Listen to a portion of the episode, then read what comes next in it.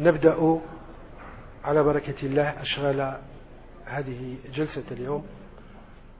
بالتبرك بآية من الذكر الحكيم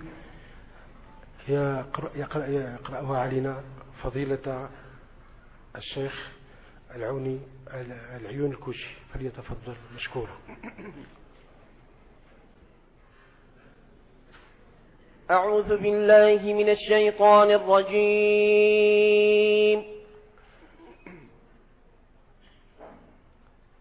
بسم الله الرحمن الرحيم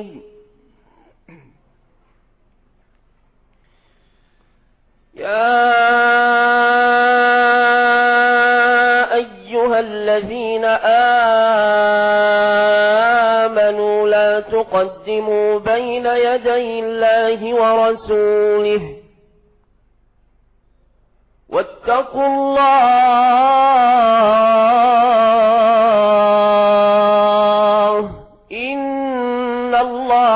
سميع عليم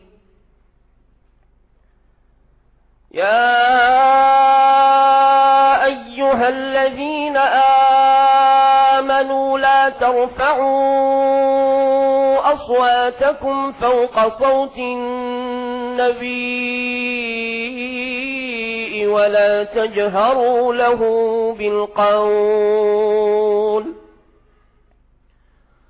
ولا تجهروا له بالقول كجهر بعضكم لبعض أن تحبط أعمالكم وأنتم لا تشعرون إن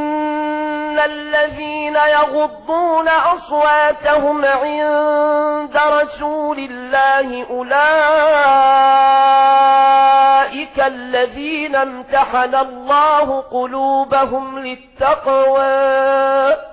لهم مغفرة وأجر عظيم إن الذين ينادونك من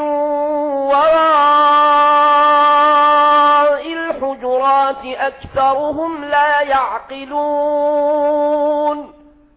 ولو أنهم صبروا حتى تخرج إليهم لكان خيرا لهم والله غفور رحيم يا أيها الذين آمنوا إن جاءكم فاسق بنبأ فتبينوا إن جاءوا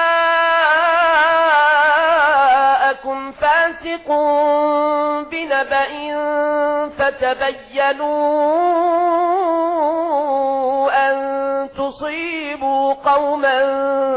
بجهالة فتصبحوا على ما فعلتم نادمين واعلموا أن فيكم رسول الله لو يطيعكم في كثير من الأمر لعنتم ولكن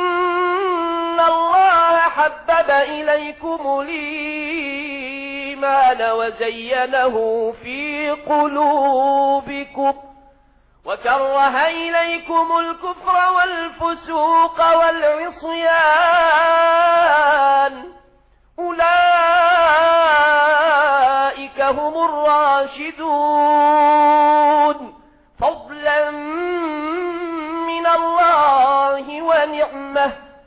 والله عليم حكيم وإن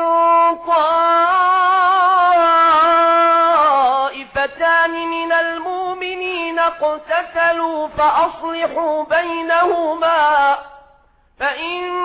بغت إحداهما على الأخرى فقاتلوا التي تبغي حتى تفيء إلى أمر الله فإن فاءت فأصلحوا بينهما بالعدل وأقسطوا إن الله يحب المقسطين إن إنما المؤمنون إخوة فأصلحوا بين أخويكم واتقوا الله لعلكم ترحمون يا أيها الذين آمنوا لا يسخر قوم من قوم عسى يكونوا خيرا منهم ولا نساء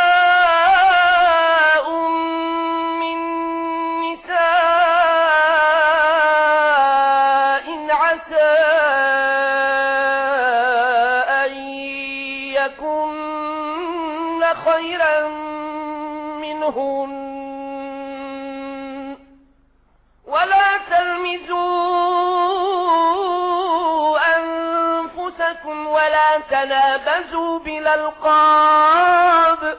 بيس الاسم الفسوق بعد الإيمان ومن لم يتب فأولئك هم الظالمون يا أيها الذين آمنوا اجتنبوا كثيرا من الظن إن بعض الظن إثم ولا تجسسوا ولا يغتب بعضكم بعضا أيحب أحدكم أن يأكل لحم أخيه ميتا فكرهتموه أيحب أحدكم أن يأكل لحم أخيه ميتا فكرهتموه واتقوا الله إن الله تواب رحيم يا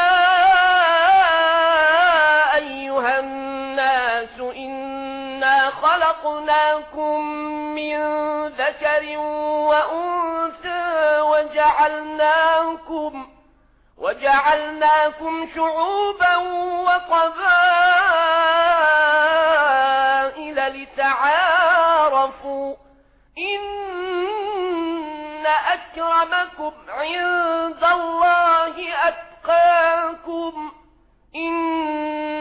أكرمكم عند الله أتقاكم إن الله عليم خبير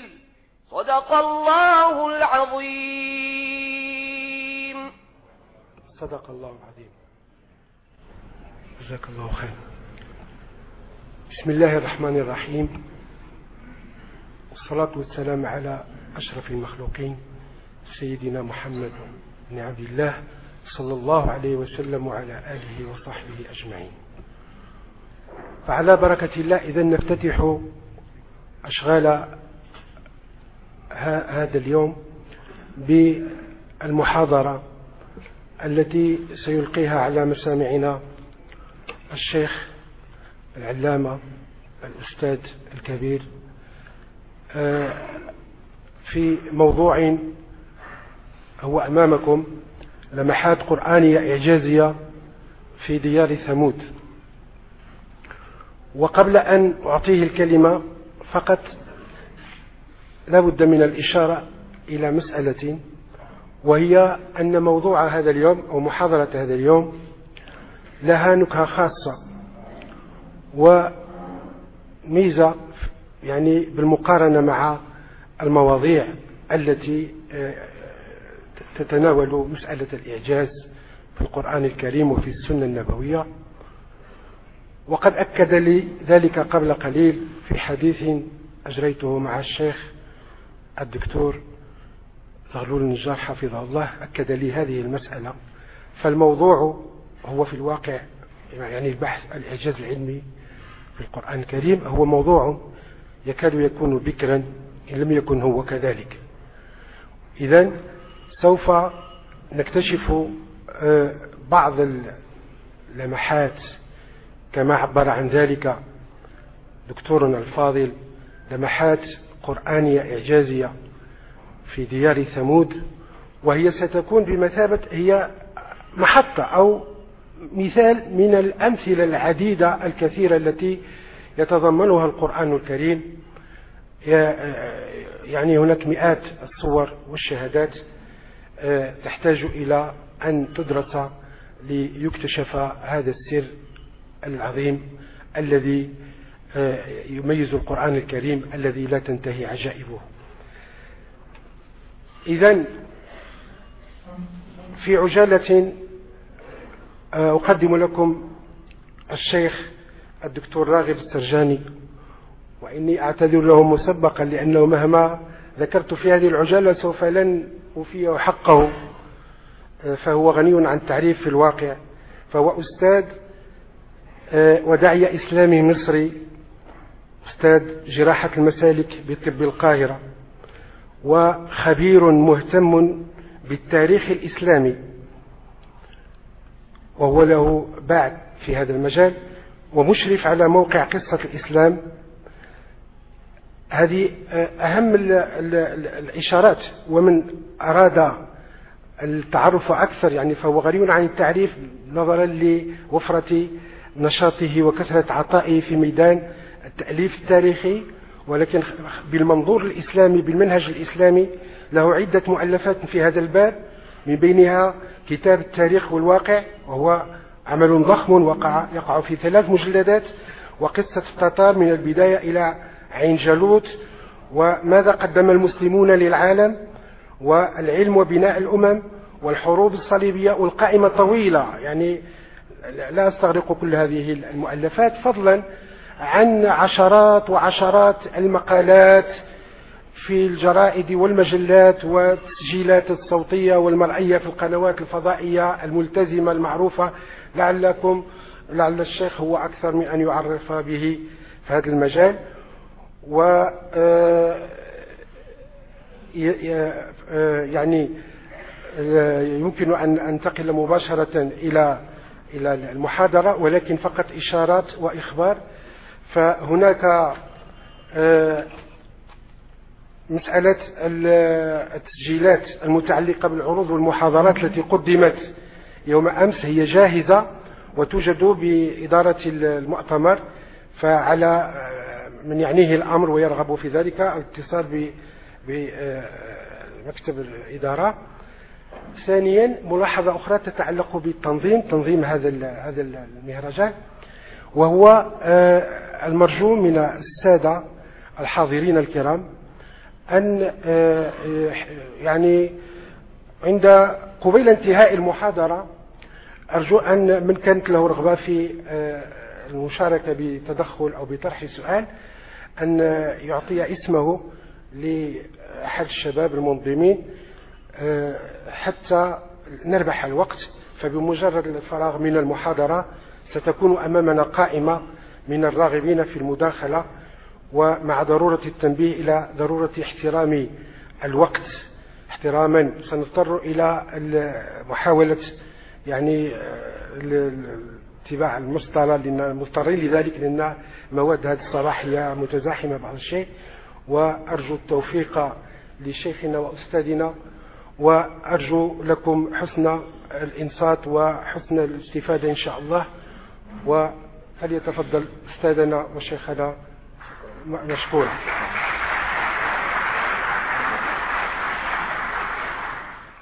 السلام عليكم ورحمة الله وبركاته إن الحمد لله نحمده ونستعينه ونستغفره ونستهديه ونعوذ بالله من شرور أنفسنا ومن سيئات أعمالنا إنه من يهده الله فلا مضل له ومن يضلل فلا هادي له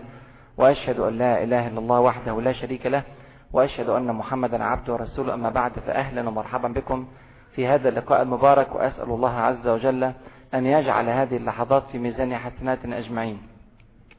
بداية أن أشكر اللجنة المنظمة وأشكر آه، شعب المغرب بكامله على دعوته الكريمة وهذه الزيارة الأولى للمغرب وأسأل الله عز وجل أن يكرر بيننا اللقاءات وكلها تكون في سبيل الله عز وجل والحقيقة شعب المغرب له مكانة كبيرة جدا في قلبي وكل من قرأ التاريخ لابد أن يحب شعب المغرب وخاصة عندما قرأت تاريخ الأندلس وتعمقت فيه وكنت أجد أنه كلما وقعت الأندلس في مشكلة كان النصير وكان المعين يأتي إليها من بلاد المغرب فجعلكم الله جعلكم, جعلكم الله عز وجل سندا وعونا دائما لأمة الإسلام والمسلمين وجعلكم من المجاهدين في سبيل والرافعين لراية الإسلام في ربوع الدنيا جميعا لي أصدقاء حقيقة في آه، شتى ربوع العالم من المغاربة في كندا في فرنسا في إيطاليا في ألمانيا في الدنمارك في غيرها من البلاد حتى في اليابان في ماليزيا آه، شاهدت الكثير من المغاربة ولي علاقات قوية تربطني بهم وأحبهم في الله وأسأل الله عز وجل أن يحبونني في الله وأن يجمعنا تحت ظل عرش الرحمن يوم لا ظل إلا ظله سبحانه وتعالى آه، موضوع اليوم حقيقة آه، أنا أشكر أيضا اللجنة المنظمة على وضع موضوع الإعجاز التاريخي في جدول المحاضرات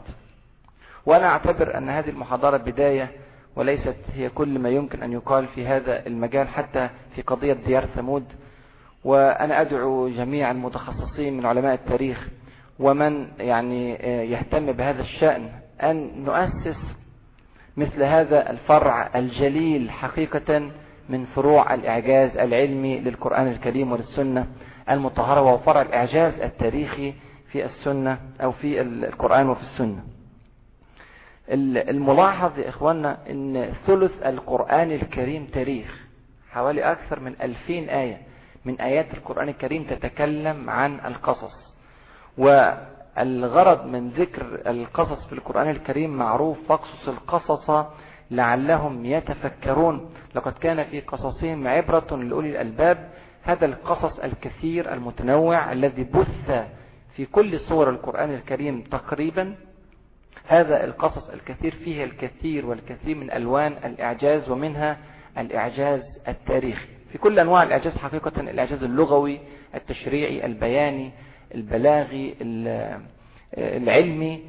وهناك أنواع متخصصة جدا في التاريخ فعلا من الصور المبهرة التي لو رآها يعني إنسان لعله يغير من مسار حياته من آه، من غير الإسلام إلى الإسلام أو من عدم الالتزام إلى الالتزام به فحقيقة نحتاج إلى تصريف الأوقات والأعمار لاستخراج الكنوز الهائلة الموجودة في القرآن وفي السنة آه، السنة طبعا فيها أيضا إعجاز كبير جدا كما يقول رسول الله صلى الله عليه وسلم ألا إني أتيت القرآن ومثله معه في داخل السنة المطهرة أيضا عشرات ومئات القصص التاريخي وفيها إشارات في غاية الإبهار ونحتاج أن نجمع القرآن مع السنة لنخرج بصورة آه، رائعة عظيمة مبهرة عن كتاب ربنا وعن سنة حبيبنا صلى الله عليه وسلم قبل البحث عن الإعجاز هناك بعض الضوابط إخواننا لابد أن نراعيها أولا إدراك المعنى اللغوي للتعبير القرآني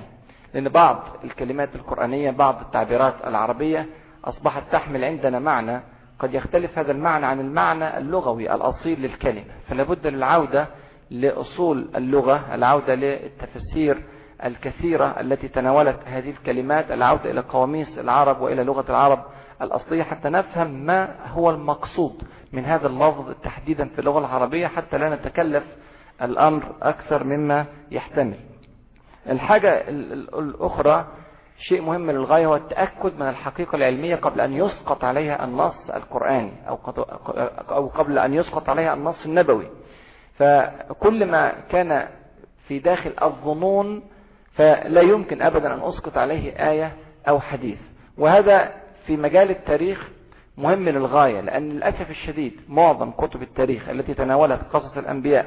وقصص القرآن الكريم زخرت بالكثير والكثير من الأحاديث الموضوعة والملفقة والمنكرة أو على الأقل الضعيفة التي لا ترقى أن تكون حجة يحتج بها في مثل هذا المقام فقبل أن نبدأ في التحليل لقصة تاريخية وردت في القرآن الكريم لابد أن نتأكد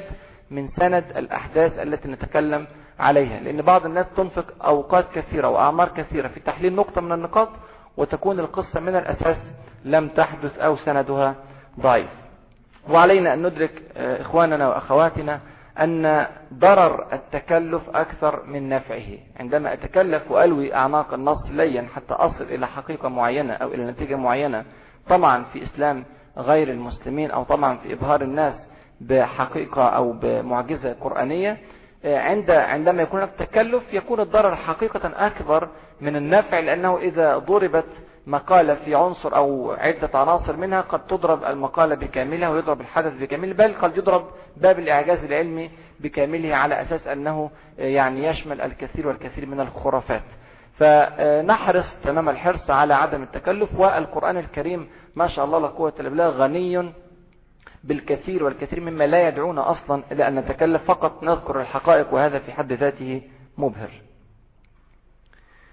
آه، في على سبيل المثال بقى من بعض الحاجات اللي هي لم ترقى إلى الصحيح آه، خروج الناقة من الصخر ولعل هذا يعني يكون شيء آه، في نوع من الغرابة بالنسبة للسامعين لأن هذا القصة مشتهرة للغاية قصة خروج الناقة عندما أشار يعني سيدنا صالح عليه السلام إلى الصخر فانشقت وخرجت منها الناقة هذه يعني لم ترقى إلى أن تكون حديثا صحيحا لم ترفع إلى رسول الله صلى الله عليه وسلم إنما هي موقوفة على أحد الصحابة وفي سندها شيء فبعض الناس بتبذل جهد كبير جدا لإثبات أن هذه الصخرة هي التي خرجت منها الناقة أو هذه الصخرة هي التي خرجت من الناقة وتكون القصة في البداية قصة غير صحيحة كل ذلك أيضا على حجم الناقة وردت فيه يعني أحاديث كثيرة كلها آه، ضعيفة ومنكرة آه، الناقة عشراء ولها طفل يعني الفصيل الصغير هذا أيضا لم ترقى آه، إلى أي شيء ويعني أكثر من ذلك لو أعددت لكم ما قيل في هذه القصة من روايات وحكايات لا أصل لها ستكون أكثر بكثير من الحقائق التي ينبغي أن نبني عليها أعمالنا هناك إعجاز في قصة ثمود فوق الإعجاز الذي جاء في القرآن الكريم يعني إضافة إعجاز فوق الإعجاز أو أو يعني إضافة فوق هذا الأمر وهو أن كل ما جاء في قصة ثمود كان في القرآن المكي فقط لم يرد ذكر ثمود في القرآن المدني إلا مرة واحدة في سورة التوبة وجاءت يعني مرورا عابرا مع ستة أقوام في آية واحدة ألم يأتكم نبأ الذين من قبلكم قوم نوح وعاد وثمود وقوم آه، إبراهيم وأصحاب مدين ومؤتفكات لكن معظم أو كل القصص الذي جاء في آه، قصة ثمود جاء في القرآن المكي معنى كده أن, الدو... إن منطقة ثمود لم تكن قد دخلت بعد في إطار الدولة الإسلامية وكل ما ذكره الرسول صلى الله عليه وسلم كان يذكره وهو في إطار مكة المكرمة لم يخرج منها عشان الحقائق اللي هتيجي بعد كده نبقى مدركين ان هو صلى الله عليه وسلم لم آه، يصل أو يصل أصحابه إلى هذه المنطقة بشكل آه، مكثف وبالإضافة لذلك لم ترد القصة في التوراة والإنجيل أصلا يعني قصة ثمود من القصص الذي لم يرد لا في التوراة ولا في الإنجيل وبالتالي فشبهة آه، النقل عن أهل الكتاب منعدمة في هذا المجال والشيء الثالث هو هل دخلها رسول الله صلى الله عليه وسلم وواقع الأمر الرسول صلى الله عليه وسلم مر بهذه الديار مرة آه، على سبيل التيقن أو التأكيد هي مرة تبوك وعندما وصل إليها لم يدخل لها صلى الله عليه وسلم بل أمر الصحابة رضي الله عنهم ألا يدخلوا إلى هذه الديار وقال إن دخلتموها فادخلوها باكين أما هو صلى الله عليه وسلم فقنع رأسه وأسرع بالمسير يعني الرسول صلى الله عليه وسلم في هذا الموقف لم يدخل بل غطى رأسه وأسرع بالمسير ولم يدخل إلى ديار ثمود عشان لما نتكلم بعد كده على الوصف القرآني لديار ثمود نعرف أن الرسول صلى الله عليه وسلم لم يدخل هذه الديار قد يكون قد مر بها مرة أخرى في حياته في شبابه عندما ذهب بتجارة السيدة خديجة رضي الله عنها وارضاها ولكن هناك ثلاث طرق من مكة إلى الشام لعله هناك أحد الطرق منها يمر بالحجر أو بديار ثمود لعله مر منه أو لم يمر منه لكن في كل الأحوال كان العرب لا يدخلون إلى هذه الديار وجه الإعجاز الأول أنا إن شاء الله في هذه المحاضرة أذكر حوالي 12 وجه من وجوه الإعجاز في القصة وكلها في ديار ثمود ومش في قصة ثمود يعني مش في قصة بكاملها القصة فيها ألوان من الإعجاز لا يمكن حصرها في لقاء أو في عدة لقاءات ولكن أتكلم فقط على بعض وجوه الإعجاز في آه، في ديار ثمود أو في بيوت ثمود أول شيء لو ننظر إلى الآية الكريمة في سورة النمل فتلك بيوتهم خاوية بما ظلموا إن في ذلك لآية لقوم يعلمون في هذه الآية في أكثر من وجه من وجوه الإعجاز الوجه الأول لعله في كلمة فتلك وهي إشارة إلى بقاء البيوت هذه الآية يا إخواننا ويا أخواتنا تقرأ إلى يوم القيامة فتلك بيوتهم خاوية بما ظلموا فهذه البيوت ظلت باقية على مدار السنوات الطويلة وستظل باقية وهذا تحدي عجيب من القرآن الكريم يذكر هذا الأمر ويقول فهذه الديار تنظرون إليها ونقرأ الآية بعد 1400 سنة وأكثر من حياة الرسول صلى الله عليه وسلم وسنظل نقرأ الآية إلى يوم القيامة والديار باقية ونشاهد هذه الديار موجودة إلى الآن في شمال السعودية في بالقرب من آه، تبوك أو في الطريق من المدينة إلى آه، تبوك وهي شاهدة على صدق القرآن الكريم وعلى تحديه تماما أشبهها بما جاء في سورة آه،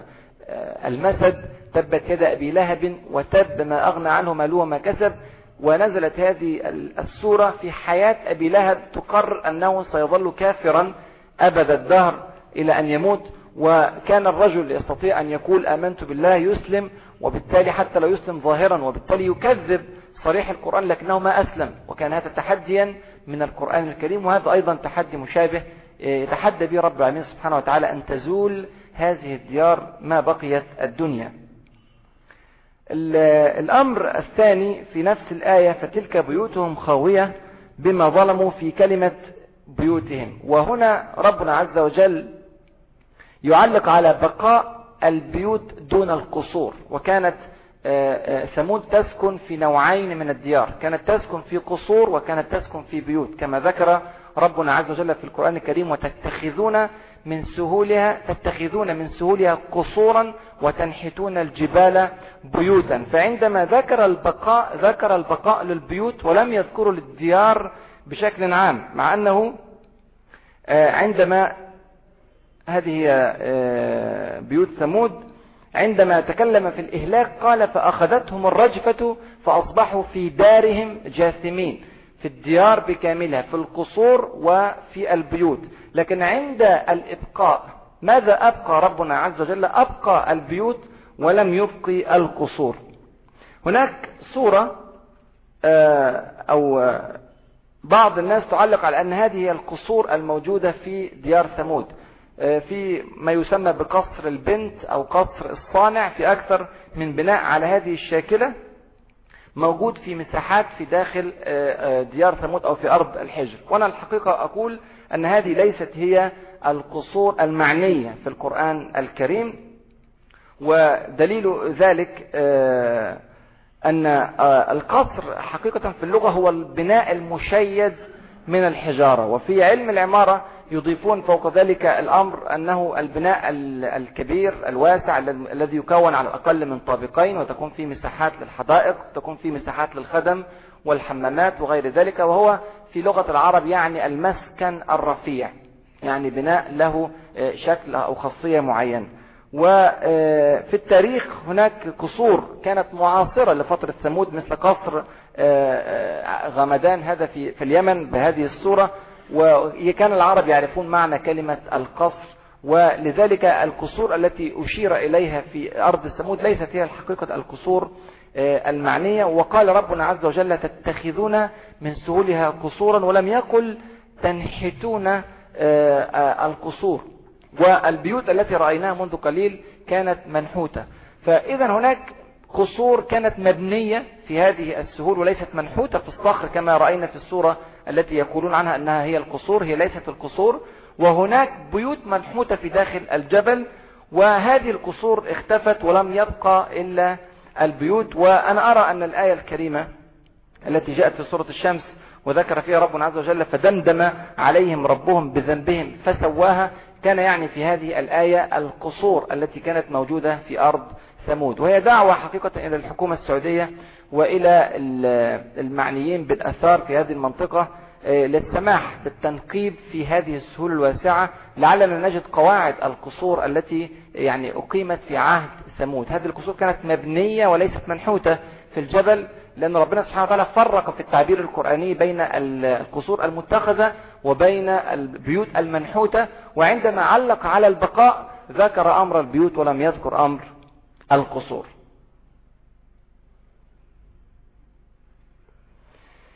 ووجه الإعجاز الثالث أيضا في نفس الكلمة فتلك بيوتهم خاوية بما ظلموا أن ربنا عز وجل في هذه الآية علق على بقاء بيوت ثمود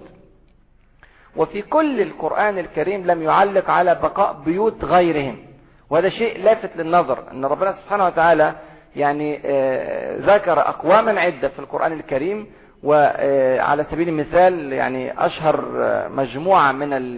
من القصص ست قصص قوم نوح قوم عاد قوم ثمود قوم لوط أصحاب الأيكة أهل مدين والفراعنة في كل هذه الأنواع من من الأقوام والقبائل لم يعلق على بقاء بيوت لأي عائلة أو أي قوم أو أي مدينة من هذه المدن الستة وإنما علق فقط على بقاء بيوت ثمود فتلك بيوتهم خاوية وده لغز كبير جدا يعني الفراعنة لو انتم تنظروا الى الاثار المتبقية من الفراعنة في الاهرامات في ابو الهول المسلات العملاقة المعابد الضخمة تماثيل هائلة ومع ذلك لم يتبقى بيوت للفراعنة يعني مفيش اه، ولم يذكر ربنا عز وجل في القرآن الكريم بقاء هذه البيوت وإن كان آه، لو لو ناخذ الموضوع بالعقل والتأليف البشري أي إنسان يقول حضارة مثل الحضارة المصرية إذا بقي فيها كذا وكذا وكذا فلا شك أن يبقى فيها بيوت ولكن لم يبقى في هذه الحضارة أي بيوت إنما بقيت المعابد والمسلات ولم تبقى البيوت والسؤال العجيب أين بيوت الفراعنة هؤلاء الذين استطاعوا أن يبنوا هذه المسلات الضخمة وهذه الأهرامات الكبيرة أين بيوت الفراعنة يعللون ذلك بتعليلات كثيرة جدا لكن اختفت كل هذه البيوت ولم يذكر حبيبنا صلى الله عليه وسلم في القرآن الكريم أن هناك بيوت إذا هو ليس من تأليف مستحيل أن يعرف هذه الحقائق وهذه الاكتشافات وتظل الأيام آه، تدور ويكتشف آه، آه، الناس اكتشافات كثيرة جدا في في الأرض المصرية من أثار الفراعنة ولكنهم إلى الآن لم يكتشفوا بيتا من بيوت الفراعنة ولم يذكر ربنا عز وجل أي بيوت للفراعنة في القرآن الكريم إنما ذكر فقط بيوت ثمود فعلا الأعجب من هذا هو القرآن الكريم الذي ذكر بيوت ثمود ولم يذكر بيوت الفراعنة طبعا حضارة الفراعنة في المك... بالمقارنة لحضارة ثمود هي أعلى بكثير وأثرها أبقى بكثير وفيها يعني تنوعات ومع ذلك لم يبقى فيها بيوت كما ذكر ربنا عز وجل وجه الإعجاز الرابع أين بيوت عاد بالمقارنة في تحدي المقابل لبيوت ثمود الذي ذكر ربنا عز وجل أن بيوتهم ستظل باقية فتلك بيوتهم ذكر في حق عاد فهل ترى لهم من باقية واختفت بيوت عاد بالكلية وحتى ما يذكر في الأقمار الصناعية من رؤية أشياء آه، أو أعمدة تحت الأرض فالله أعلم يعني لم تخرج هذه الأعمدة حتى الآن وهي ليست بيوت في النهاية حتى لو ظهرت فهي ليست بيوت فتحدى ربنا عز وجل ألا تبقى لهم باقية كما ذكر فهل ترى لهم من باقية واذهب إلى مناطق الأحقاف سواء كانت في جنوب الجزيرة العربية أو في غيرها من الأماكن المشكوك أن تكون هي منطقة الأحقاف فلن تجد لهم هذه البقية وهذا تحد واضح وصارخ في القرآن الكريم لكل الباحثين فهل ترى لهم من باقية وخذوا في مقابل بقاء بيوت ثمود كما ذكر ربنا عز وجل في سورة النمل ثم وجه عجيب جدا من من الوجوه الاعجاز وهو خواء البيوت فتلك بيوتهم خاويه بما ظلموا ان في ذلك لآية لقوم يعلمون وهذا ايضا تحدي بالغ من القرآن الكريم ان تظل هذه البيوت خاوية كلما قرأنا هذه الآية وشاهدنا هذه الديار نشاهد انها خاوية حتى سبحان الله عندما جاء الانباط آه، إلى المنطقة انظروا إلى هذه ديار ثمود من الداخل إنها ما زالت خاوية وستظل خاوية وهذا تحدي من القرآن الكريم آه، واضح آه، حتى عندما جاء الأنباط الأنباط هم يعني أهل حضارة كانوا يعيشون في شمال الجزيرة العربية أو في جنوب الأردن وهم الذين أسسوا على أرجح الأقوال مدينة البتراء في جنوب الأردن وهذه المدينة تشبه إلى حد كبير آه، ديار ثمود وعندما امتدت سيطرتهم حتى أخذوا آه، منطقة ثمود وأصبحت في آه، ممتلكاتهم استخدموا هذه البيوت مقابر ولم يسكنوا فيها وظلت خاوية مع أن تشبه إلى حد كبير جدا بيوت الأنباط الموجودة في البتراء هذه بيوت الأنباط في البتراء وهي آه، تشبه إلى حد كبير بيوت آه، ثمود الموجودة في آه، أرض الجزيرة العربية في شمال السعودية ومع ذلك لم يسكنوا في هذه البيوت حتى تم يعني إقلاعهم عن هذه الأرض وفناء الحضارة النبطية في سنة 106 ميلادية وظلت البيوت خاوية بعد ثمود سواء في زمن الأنباط أو بعد زمن الأنباط سواء في زمننا وإلى يوم الدين هذا تحدي واضح من رب العالمين سبحانه وتعالى للعالم فتلك بيوتهم خاوية تقرأ الآية إلى يوم القيامة وتظل خاوية بإذن الله تعليق معجز جامع في سورة العنكبوت قال ربنا عز وجل وعادا وثمود وقد تبين لكم من مساكنهم وكل واحد في نوع من التحدي المساكن عاد آه، آه، خافية ومساكن ثمود خاوية وهو تحدي من رب العالمين سبحانه وتعالى للبشر أن يظهروا أثرا آه، يعني لبيوت آه، ثمود آه، بيوت عاد أو يمحو هذا الأثر من ديار ثمود التي ستظل خاوية ووجه الإعجاز السادس في كلمة تنحتون وتنحتون الجبال بيوتا ونحت البيوت حقيقة أيضا خاصية ثمودية يعني لم يذكر في القرآن الكريم آه، آه، كلمة النحت إلا مع قوم ثمود قال ربنا عز وجل وتنحتون الجبال بيوتا وقال وكانوا ينحتون من الجبال بيوتا آمنين وفي الآية الثالثة قال وتنحتون من الجبال بيوتا فارهين فثلاث آيات جاءت في حق البيوت وهناك آية رابعة جاءت في حق البيوت سنذكرها لكن لم يذكر فيها النحت فالآيات الثلاث التي جاء فيها النحت كلها جاءت في حق ديار ثمود فقط وعندما ذكر ربنا عز وجل الأقوام الأخرى لم يذكر أبدا أنهم كانوا ينحتون بيوتهم على سبيل المثال الفراعنة آه، ذكر ربنا عز وجل في سورة غافر على سبيل المثال وقال فرعون يا همان ابن لي صرحا لعلي أبلغ الأسباب وقال ودمرنا ما كان يصنع فرعون وقومه وما كانوا يعرشون وقال فأوقد لي يا همان على الطين فاجعل لي صرحا ولم يذكر أبدا قضية النحت نحت البيوت وليس نحت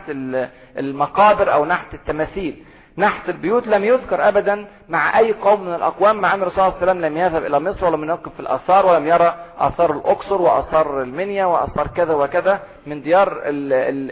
الفراعنة في آه، آه، مصر لكنه ذكر النحت فقط القرآن الكريم ذكر النحت فقط في آه، ديار ثمود حتى الأقوام الأخرى غير الفراعنة آه، عاد على سبيل المثال ذكر ربنا عز وجل أتبنون بكل ريع آية تعبثون وتتخذون مصانع لعلكم آه، تخلدون في قصة سليمان عليه السلام آه، والشياطين كل بناء وغواص في قصة أصحاب الكهف قال فقالوا ابنوا عليهم بنيانا ربهم أعلم بهم يعني ربنا استخدم ألفاظ مختلفة عن قضية النحت عندما جاء على المباني أو على الديار أو على البيوت واستخدم كلمة النحت فقط مع قوم ثمود فطبعا هذا يعني الرسول صلى الله عليه وسلم لم يعني يجوب البلاد ليرى كل آثار الحضارات المختلفة حتى يذكر أن قضية النحت فقط في هذه الأقوام وليست في غيرهم من الأقوام هناك ملاحظتان أن الأنباط نحتوا بيوتهم كما نحت الثموديون آه، بيوتهم لكن لم يرد ذكرهم في القرآن الكريم يعني لم يرد ذكر الأنباط أو النبطيين في القرآن الكريم وملحوظة أخرى أن كلمة النحت جاءت في القرآن الكريم مرة واحدة خارج قصة ثمود لكنها لم تكن مع البيوت جاءت في قصة إبراهيم عليه الصلاة والسلام قال أتعبدون ما تنحتون وكان يتكلم على التماثيل وليس على بيوت آه، بيوت آه، قوم إبراهيم عليه الصلاة والسلام وجه الإعجاز السابع هو بقاء العمران العمران ويعني آه، ذكر ربنا عز وجل في سورة هود هو أنشأكم على لسان صالح عليه السلام هو أنشأكم من الأرض واستعمركم فيها والمرة الوحيدة التي ذكر في هذا الاستعمار جاءت في حق قصة ثمود وبقاء عمران ثمود دون غير هذه معجزة من معجزات القرآن الكريم استعمركم أي طلب منكم التعمير والعمران يكون للدنيا كالمساكن والقصور والمصانع وغير ذلك من أمور الحياة ولا يكون للمعابد أو القبور إذا نظرت إلى آه، آه، على سبيل المثال الفراعنة الذي تبقى منهم لم يتبقى العمران إنما تبقت معابد وقبور ومسلات وتماثيل في قوم نوح وعاد وقوم لوط ومدين لم يتبقى شيء من هذه الحضارات حضارة سبأ لم يتبقى منها إلا سد منهار عهد داود وسليمان عليهما السلام آه، مع يعني عظم الحضارة التي كانت في زمانهم لم يتبقى منها شيء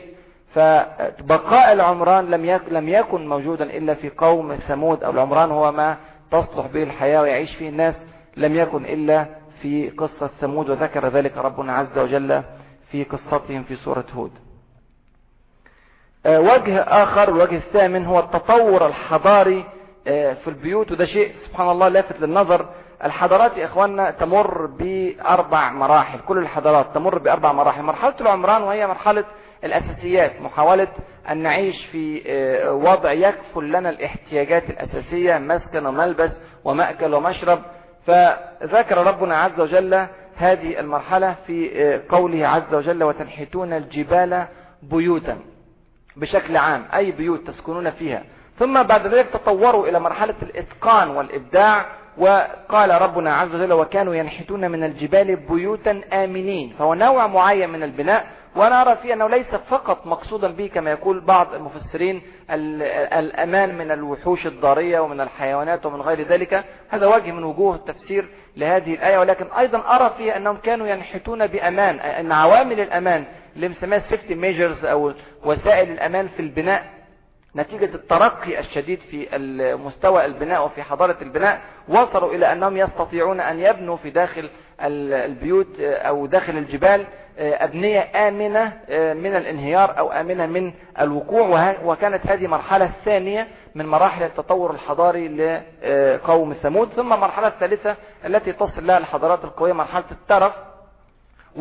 وتنحتون من الجبال بيوتا فارهين وهي مرحلة الفراهة أو مرحلة الدعة أو الترف أو بناء الشيء الذي قد لا ينبني من ورائه عمل آه، كثير وهذه مرحلة تدخل فيها الحضارات في نهاياتها ثم المرحلة الأخيرة الهلاك وذكر ربنا عز وجل فتلك بيوتهم خاوية فالبيوت بيوت سموت ذكرت أربع مرات في القرآن الكريم وفي كل مرة تضفي لونا من ألوان التطور الحضاري التي تمر به الأمم بشكل عام فاستوعب ربنا عز وجل في سياق القصة على مدار صور مختلفة كل مراحل التطور الحضاري لأي أمة من الأمم وأخذ ثمود مثالا لهذه آه، التطورات الترتيب المنطقي للتطور الحضاري عجيب يعني الآيات الأربعة زي ما انتم شايفين آه، سبحان الله وتنحتون الجبال بيوتا في سورة الأعراف وتنحت وكانوا ينحتون من الجبال بيوتا آمنين في سورة الحجر وتنحتون من الجبال بيوتا فارهين في سورة الشعراء فتلك بيوتهم خاوية في سورة النمل وهذا ترتيب الصور في المصحف الكريم عندما تجمع الآيات إلى الآيات بعضها البعض تبدو لك مظاهر إعجاز عجيبة يعني هذا التطور الحضاري هو ما جاء في القرآن الكريم وهذا الترتيب اللي في المصحف يا إخوانا ترتيب توقيفي يعني ذكره آه، قرأه جبريل على رسول الله صلى الله عليه وسلم في آخر عهدي وهو الذي ارتضاه ربنا عز وجل للقراءة أن يعني يبدأ المصحف بالفاتحة ثم البقرة ثم آل عمران وهكذا إلى سورة الناس في آخر المصحف فهذا الترتيب التوقيفي وضح كذلك الترتيب الحضاري لأي أمة من الأمم إذا جمعت كل الآيات إلى جوار بعضها البعض تتبدل لك أشياء عجيبة جدا عند جمع الآيات من الصور المختلفة وبعضها يكمل بعضا ولو كان من عند غير الله لوجدوا فيه اختلافا كثيرا آه، الوجه العاشر من وجوه الإعجاز هو الوصف الدقيق لحالة البيوت يعني عندنا في آه، ثلاث آيات تتكلم على وصف البيوت قال تتخذون من سهولها قصورا وتنحتون الجبال بيوتا لاحظ من سهولها قصورا وعندما ذكر الجبال قال وتنحتون الجبال بيوتا لم يقل وتنحتون من الجبال بيوتا ومن هنا بعض المفسرين يقولون أو بعض أهل اللغة يقولون أنها من ظرفية للمكان وأنا أرى الحقيقة أنها من تبعيضية يعني تتخذون من بعض هذه السهول قصورا لم تكن كل السهول منحوتة آه، مبنية من القصور لكن كانت الجبال بكاملها منحوتة من البيوت لكن في آية تانية ذكر وكانوا ينحتون من الجبال بيوتا آمنين إذا هناك بعض البيوت آمنة وبعض البيوت غير آمنة لكن الجبل كله منحوت عندما ذكر البيوت دون أن يذكر صفة معينة لهذه البيوت لا آه، الأمان ولا الفراهة ذكر البيوت مطلقة فذكر الجبال دون أن يضع قبلها من للطبيعي وعندما ذكر الأمان بعض البيوت آمنة هذه مرحلة تطور حضاري أخرى بعض البيوت آمنة وبعضها غير آمن الغير آمن الذي بني في المرحلة الأولى من حياتهم فذكر من وفي المرحلة الثالثة وتنحتون أيضا من الجبال بيوتا فارهين بعضها فاره وبعضها غير فاره هذا الجبل كله منحوت انظروا إلى المنظر عجيب يعني جبل يعني واجهات صخرية رهيبة في جبال آه، آه، ديار ثمود كله منحوت لكن ليس كله آمن بعضه آمن وبعضه آه، غير آمن وأي الانهيار وممنوع من الدخول من آه، من السلطات خوفا على الناس وبعضها فاره مثل ما رأيتم في قصر الصنع أو قصر البنت أو غيرها من البيوت وبعضها آه، غير فاره انت حتى لو تيجي تراجع الصور السابقة زي هنا هتجد ان بعض البيوت اللي هي في آه، يسار الصورة فارهة وكبيرة وبعض البيوت اللي هي في يمين الصورة غير امنة او غير فارهة يعني هناك انواع لكن عندما جمع البيوت بكاملها في وصف واحد قال وتنحتون الجبال بيوتا وهو وصف دقيق جدا لحالة الوضع الذي هو في ديار ثمود إذا زرتموها يعني كيف الرسول صلى الله عليه وسلم أن يعرف كل هذه التفصيلات وهو في مكة المكرمة كل هذا القرآن على فكرة مكي كما ذكرنا الوجه الحادي عشر ووادي الحجر يقول ربنا عز وجل وثمود الذين جابوا الصخرة بالواد مكان هذه البيوت التي يعني أنشأ فيها ثمود آه، آه، ديارهم ذكر ربنا عز وجل أنه وادي قال وثمود الذين جابوا الصخرة بالوادي لاحظ هذه الصورة آه، من ستلايت من الأقمار الصناعية على ارتفاع حوالي 30 ألف كيلو متر فوق سطح الأرض تلاحظ شيئا عجبا تلاحظ أن الديار ثمود موجودة بالفعل في وادي وهذا الوادي مساحته هائلة واسعة جدا 15 آه، كيلومتر والذي يسير في هذا الوادي يعني على قدميه لا يستطيع أن يرى أن هذا وادي لاتساعه اتساع شديد الجبال موجودة في منطقة بعيدة الجبال الشرقية تحديدا موجودة في منطقة بعيدة لا تستطيع أن ترى أن هذا وادي من الوديان لكن ذكره ربنا عز وجل في سورة آه، آه، الفجر على أنه واد من الأودية بالوادي آه، وأثبتت بعد ذلك الصور الحديثة أنه بالفعل وادي الحقيقة أنا كمان رجعت لكتب الأولين لأشعار الجاهلية وبدأت أبحث عن كلمة ثمود وعن تعريف العرب لها وجدت أن الجاهليون فعلا ذكروا آه، ثمود في كتابتين في أشعارين في حوالي خمس مواضع أو ست مواضع في الأشعار الجاهلية لكنهم لم يذكروا أبدا أنها كانت وادي ولم تكن, ولم تكن تعرف في زمانهم بأنها وادي إنما كانت تعرف بأنها ديار ثمود أو أرض ثمود وما آه، ذكره بعض المفسرين أو بعض الكتب التفسير على أن المقصود هو وادي القرى يعني ذهب الكثير من الجغرافيين على أنها على أن منطقة ديار ثمود لا تدخل في منطقة وادي القرى التي كان يطلق عليها العرب وادي القرى إنما هي في شمال وادي القرى وليست داخلة في منطقة وادي الكرة فهي إذن لم تكن, لم تكن تعرف في زمان الرسول صلى الله عليه وسلم بالوادي فكيف نزل القرآن الكريم بهذا الوصف الدقيق الذي لا يمكن أن يعرف إلا من ارتفاع 20 أو 30 ألف كيلومتر فوق سطح الأرض الوجه الثاني عشر والأخير في المحاضرة وإن كان طبعا أنا يعني تعمدت أن أذكر بعض وجوه الإعجاز في الديار وليس كل وجوه الإعجاز في الديار بعضها يحتاج إلى بحث وإلى دراسة وإلى ذهاب إلى المنطقة وتنقيب ويحتاج حقيقة إلى تعاون شديد بين الكثير من الجهات والكثير من التخصصات العلمية الجيولوجية والكيميائية والفيزيائية والطبية وغيرها لإخراج الكنوز الهائلة الموجودة في داخل قصة ثمود وغيرها من قصص القرآن الكريم وجه الإعجاز الثاني عشر الترتيب الزمني للحضارات عجيب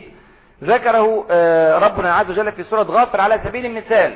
في قصة مؤمن آل فرعون وقال الذي آمن يا قوم إني أخاف عليكم مثل يوم الأحزاب مثل دأب قوم نوح وعاد وثمود والذين من بعدهم وما الله يريد ظلما للعباد واضح طبعا من سياق الآية ان مؤمن آل فرعون في عهد موسى عليه السلام يتحدث عن حضارات سبقت الى آه، حضارة الفراعنة وذكر منها قوم نوح وعاد وثمود فهذا الترتيب التاريخي اثبت علماء الاثار ان ديار ثمود اربعة الاف سنة قبل الميلاد اربعة الاف سنة من الان الفين سنة قبل الميلاد وقصة موسى عليه السلام معروف ان موسى عليه السلام خرج من مصر تقريبا سنة 1200 قبل الميلاد يعني بعد هذه القصة التاريخية كيف لرسولنا صلى الله عليه وسلم ان يرتب الاحداث ان كان هذا الكلام من عنده ماذا يعرف هو عن قصة آه، الفراعنة وتفصيلات قصة الفراعنة والتوقيت زمن الفراعنة وخلي بالنا ان الفراعنة لم تكتشف اثارهم ولم تحل لغتهم الا حديثا جدا يعني منذ عشرات فقط من السنوات او يعني يعني في القرن التاسع عشر عندما حل حلت شفرة شامبليون لكن ما كنا نعرف تفصيلات كثيرة جدا في قصة الفراعنة فكيف جزم الرسول صلى الله عليه وسلم إن كان هذا القرآن من عنده كيف جزم أن الترتيب التاريخي هو بهذه الصورة ومؤمن ألف فرعون يتحدث ويذكر الناس بشيء يعرفونه أن حضارة سبقت لهم ويعرفون أخبارها أنها أهلكت هذه الحضارة وجاء أيضا هذا الترتيب في آه، سورة أخرى في كلمة موسى عليه السلام في سورة إبراهيم وقال موسى إن تكفروا أنتم ومن في الأرض جميعا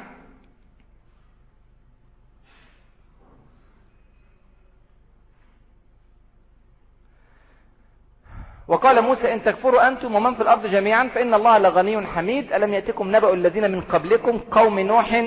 وعاد وثمود والذين من بعدهم لا يعلمهم إلا الله جاءتهم رسل بالبينات إلى آخر الآيات وأظهر من ذلك ما جاء في سورة آه، الحج يقول ربنا عز وجل وإن يكذبوك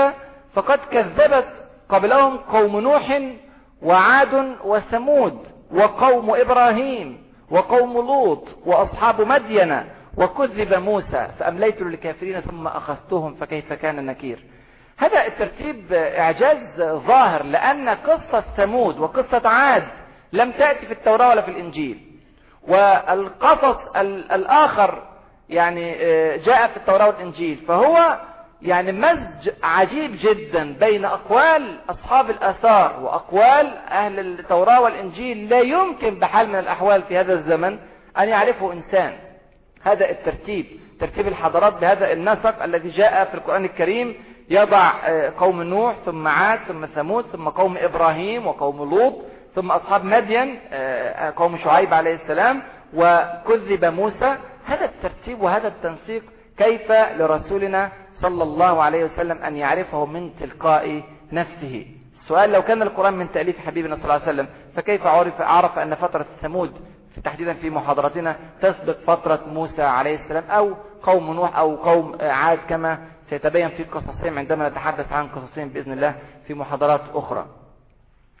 ملخص أوجه الإعجاز في المحاضرة الأول بقاء البيوت الثاني البيوت دون القصور الثالث بيوت ثمود آه، فقط والرابع أين بيوت عاد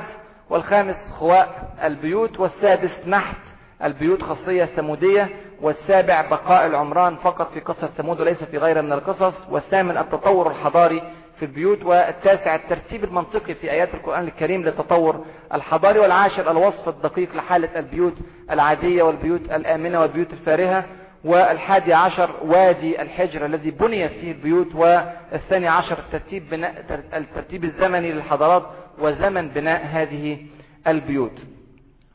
آه، هل انتهى الإعجاز في قصة ثمود أنا أقول إنها الحقيقة بالكاد بدأ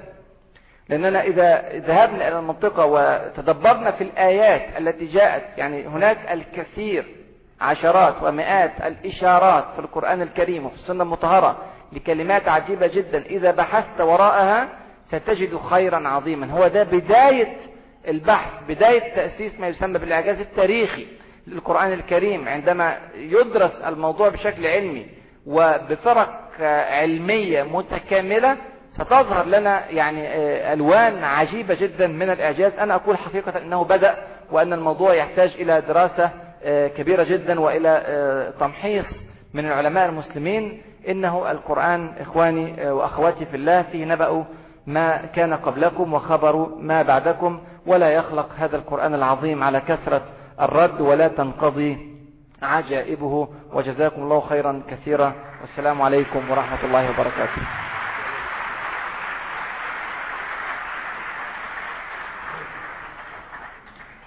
جزاك الله خير الجزاء وفتح على يديك آفاق رحيبة إن شاء الله لهذا الميدان الجديد الذي كما تفضل الأستاذ الكريم هو ميدان آه، عظيم ميدان ينتظره الكثير وإذا كان لابد أن يقول المرء شيئا كتعقيب على هذه المحاضرة القيمة هناك نقطتين أو نقطتان آه، يمكن الوقوف عندهما في عجالة قبل أن ننتقل إلى آه، فتح المجال للإخوة للمشاركة في آه، مناقشة هذه المحاضرة أولى النقطتين هو مسألة الإعجاز التاريخي هو من الناحية آه، بصفة عامة يعني في القرآن الكريم آه، هو فيه مئات الإشارات بل هي قد تكون الآلاف كما كما قال الأستاذ الكريم هي هي بالآلاف ولهذا آه، هذه هذه المحاضرة هي فقط وقفة مع واحدة من هذه اللمحات الواردة في القرآن الكريم وقد بين الأستاذ بما فيه الكفاية بالشواهد والصور الحية وبالنصوص القرآنية البينة الواضحة يعني هذا يعني هذا أرقى أنواع الحجج ويكفي هذه الإشارات لكي تكون آه، سندا أو مبررا للباحثين وللعلماء المسلمين كي يقتحموا هذا الميدان و آه، آه، إذا سمحتم فإنني أدعو الشيخ الدكتور زغلول النجار كي يكون أول المتدخلين لعلمي أنه لديه عمل كبير إن شاء الله في هذا الموضوع إعجاز القرآني وقد بشرني بأن له كتابان كبيران عظيمان إن شاء الله سيصدران قريبا وكلمته أرجو منه أن يركز على أهمية الإعجاز القرآني لأن لديه كتاب آخر آه، عنوانه لمحات آه، بعض جوانب الإعجاز التاريخي في القرآن الكريم فأطلب منه أن آه، يفيدنا جزاه الله خيرا قبل أن ننتقل إلى تقديم العود قبل أن ننتقل إعطاء الكلمة للمتوفي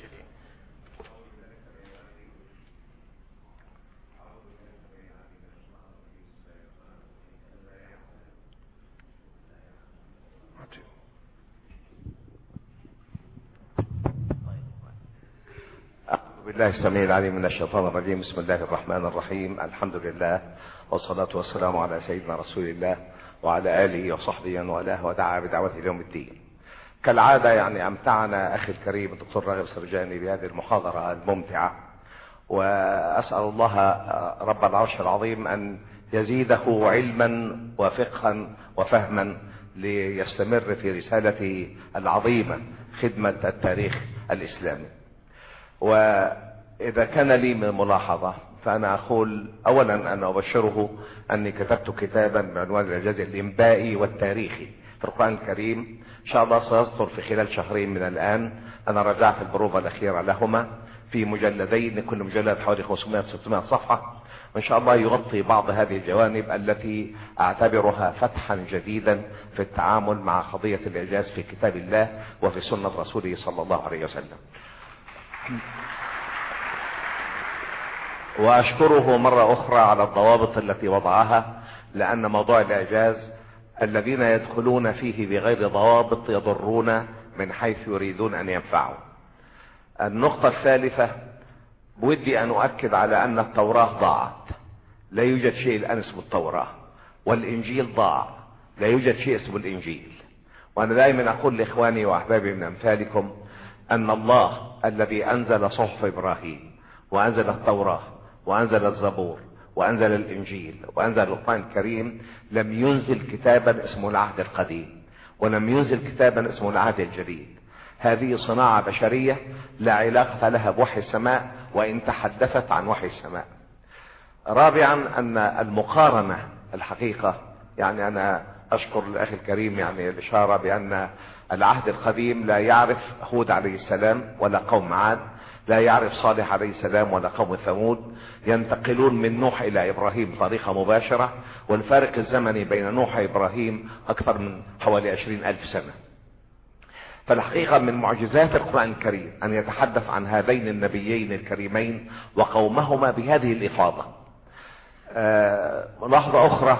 في قول ربنا تبارك وتعالى وثمود الذين جابوا الصخر بالواد يعني آه، انا زرت المنطقة طبعا كما زرتها حضرتك ايضا يعني كتل الصخر التي اتي بها في الوادي كتل ضخمة يعني لا يمكن العقل البشري ان يتخيل كيف اتي بهذه الكتل التي نحت فيها طابقين او ثلاث طوابق بكفاءة باهرة وجابوا ليس بمعنى اتوا معنى فرغوا الذي نحتوا وثمود الذين جابوا الصخر بالواد وهذه كانت قصور كما تفضلتم وهي قصور غير مبنية النقطة الهامة أن هذا الوادي الحقيقة يعني هم ثمود آه، بقية الذين نجوا مع من قوم عاد آه، نجوا مع سيدنا هود عليه السلام فلجأ بهم سيدنا هود إلى مكة المكرمة ثم آه، يعني وفقهم الله للوصول لهذه المنطقة منطقة وادي الحجر أو وادي القرى القرى أو مداين صالح منطقة مبهرة حقيقة فهي منطقة آه، وادي متعرج تعرج شديد بين صخور آه، يعني لا هي هشة بالكامل ولا هي صلبة بالكامل متكون اسمه متكون جبل الساق عبارة عن ألف متر من الحجر الرملي المتماسك فكان النحت فيه سهل والتعمير فيه سهل وفي نفس الوقت هو يمثل أهم خزان مائي في أرض شبه الجزيرة العربية على حدود المنطقة من الغرب صخور بازلتية طفوحة يسموها الحرات وعوامل التعرية للحرات تكون تربة خصبة للغاية فربي نقلهم إلى منطقة يعني عاشوا فيها عيشة منعمة جدا وفرة في الماء آه، آه، يعني خصوبة في التربة والمنطقة محمية حماية طبيعية لالتفاف الوادي فكان الحقيقة الوادي متعرج تعرج شديد فهو محمي حماية طبيعية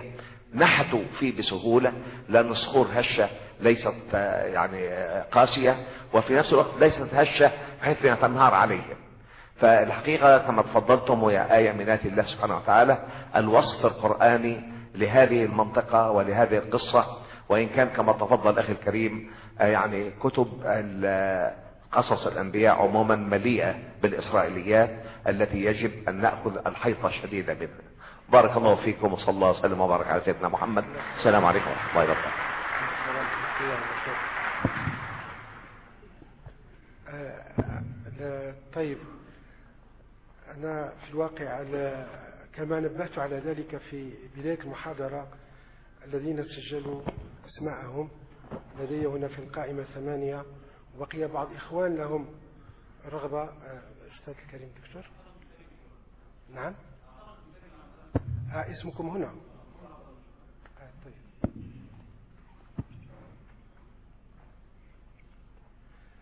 آه، طيب هناك خبر يتعلق بمسألة تنظيم يرجى من السادة الحضور الكرام إرجاع ورقة توصيات لأعضاء اللجنة التنظيمية قبل نهاية الجلسة إذا الورقة التوصيات يجب إرجاعها لأعضاء اللجنة التنظيمية قبل نهاية الجلسة طيب آه، أنا الآن أمامي القائمة والأسماء طبعا لا أعرفها وسأفتح المجال طيب هنا الآن أصبح عدد المتدخرين هنا المسجلين نحو 11 اسما نعطي الفرصة لهؤلاء وإذا سمح الوقت نزيد القائمة الثانية إن شاء الله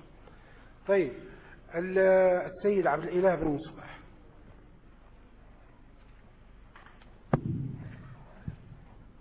شكرا بسم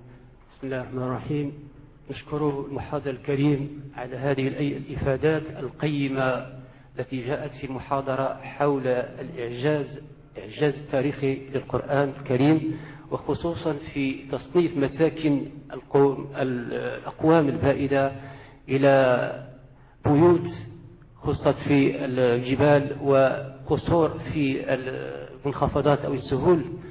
وكيف أن حقيقة توفقت كثيرا في هذا في شرح هذا المعطى إلا أننا نجد في كتاب الله أن القرآن لما تكلم عن الجبال قال سبحانه وتعالى والجبال أرساها متاعا لكم ولما طلب بنو إسرائيل من آه، من الأكل والشراب ومتاع الحياة أمرهم الله سبحانه وتعالى بالهبوط فقال اهبطوا مصرا فإن لكم ما سألتم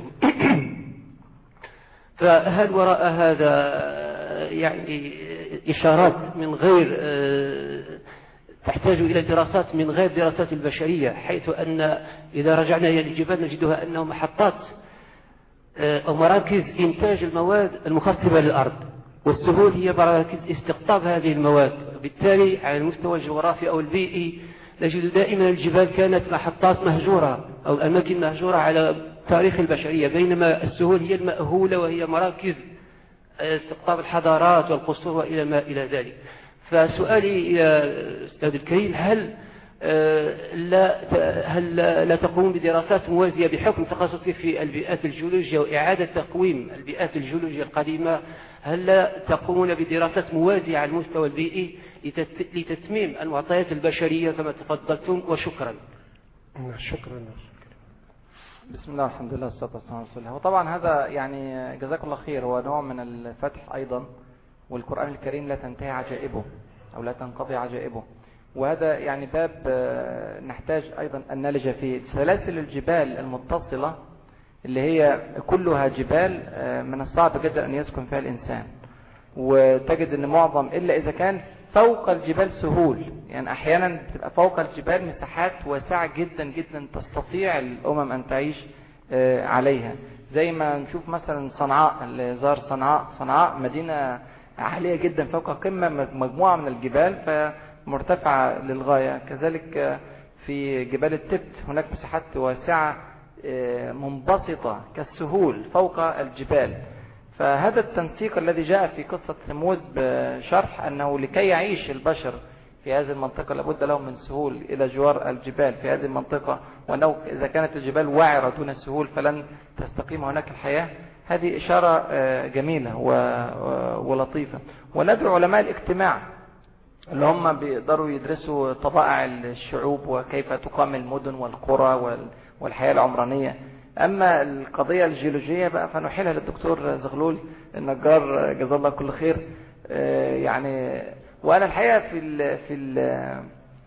في الآيات عندما جمعت الآيات إلى جوار بعضها البعض وبدأت في التدبر حتى نخرج بصورة متكاملة عن القصة وقفت أمام عشرات بل مئات الأسئلة غير المجابة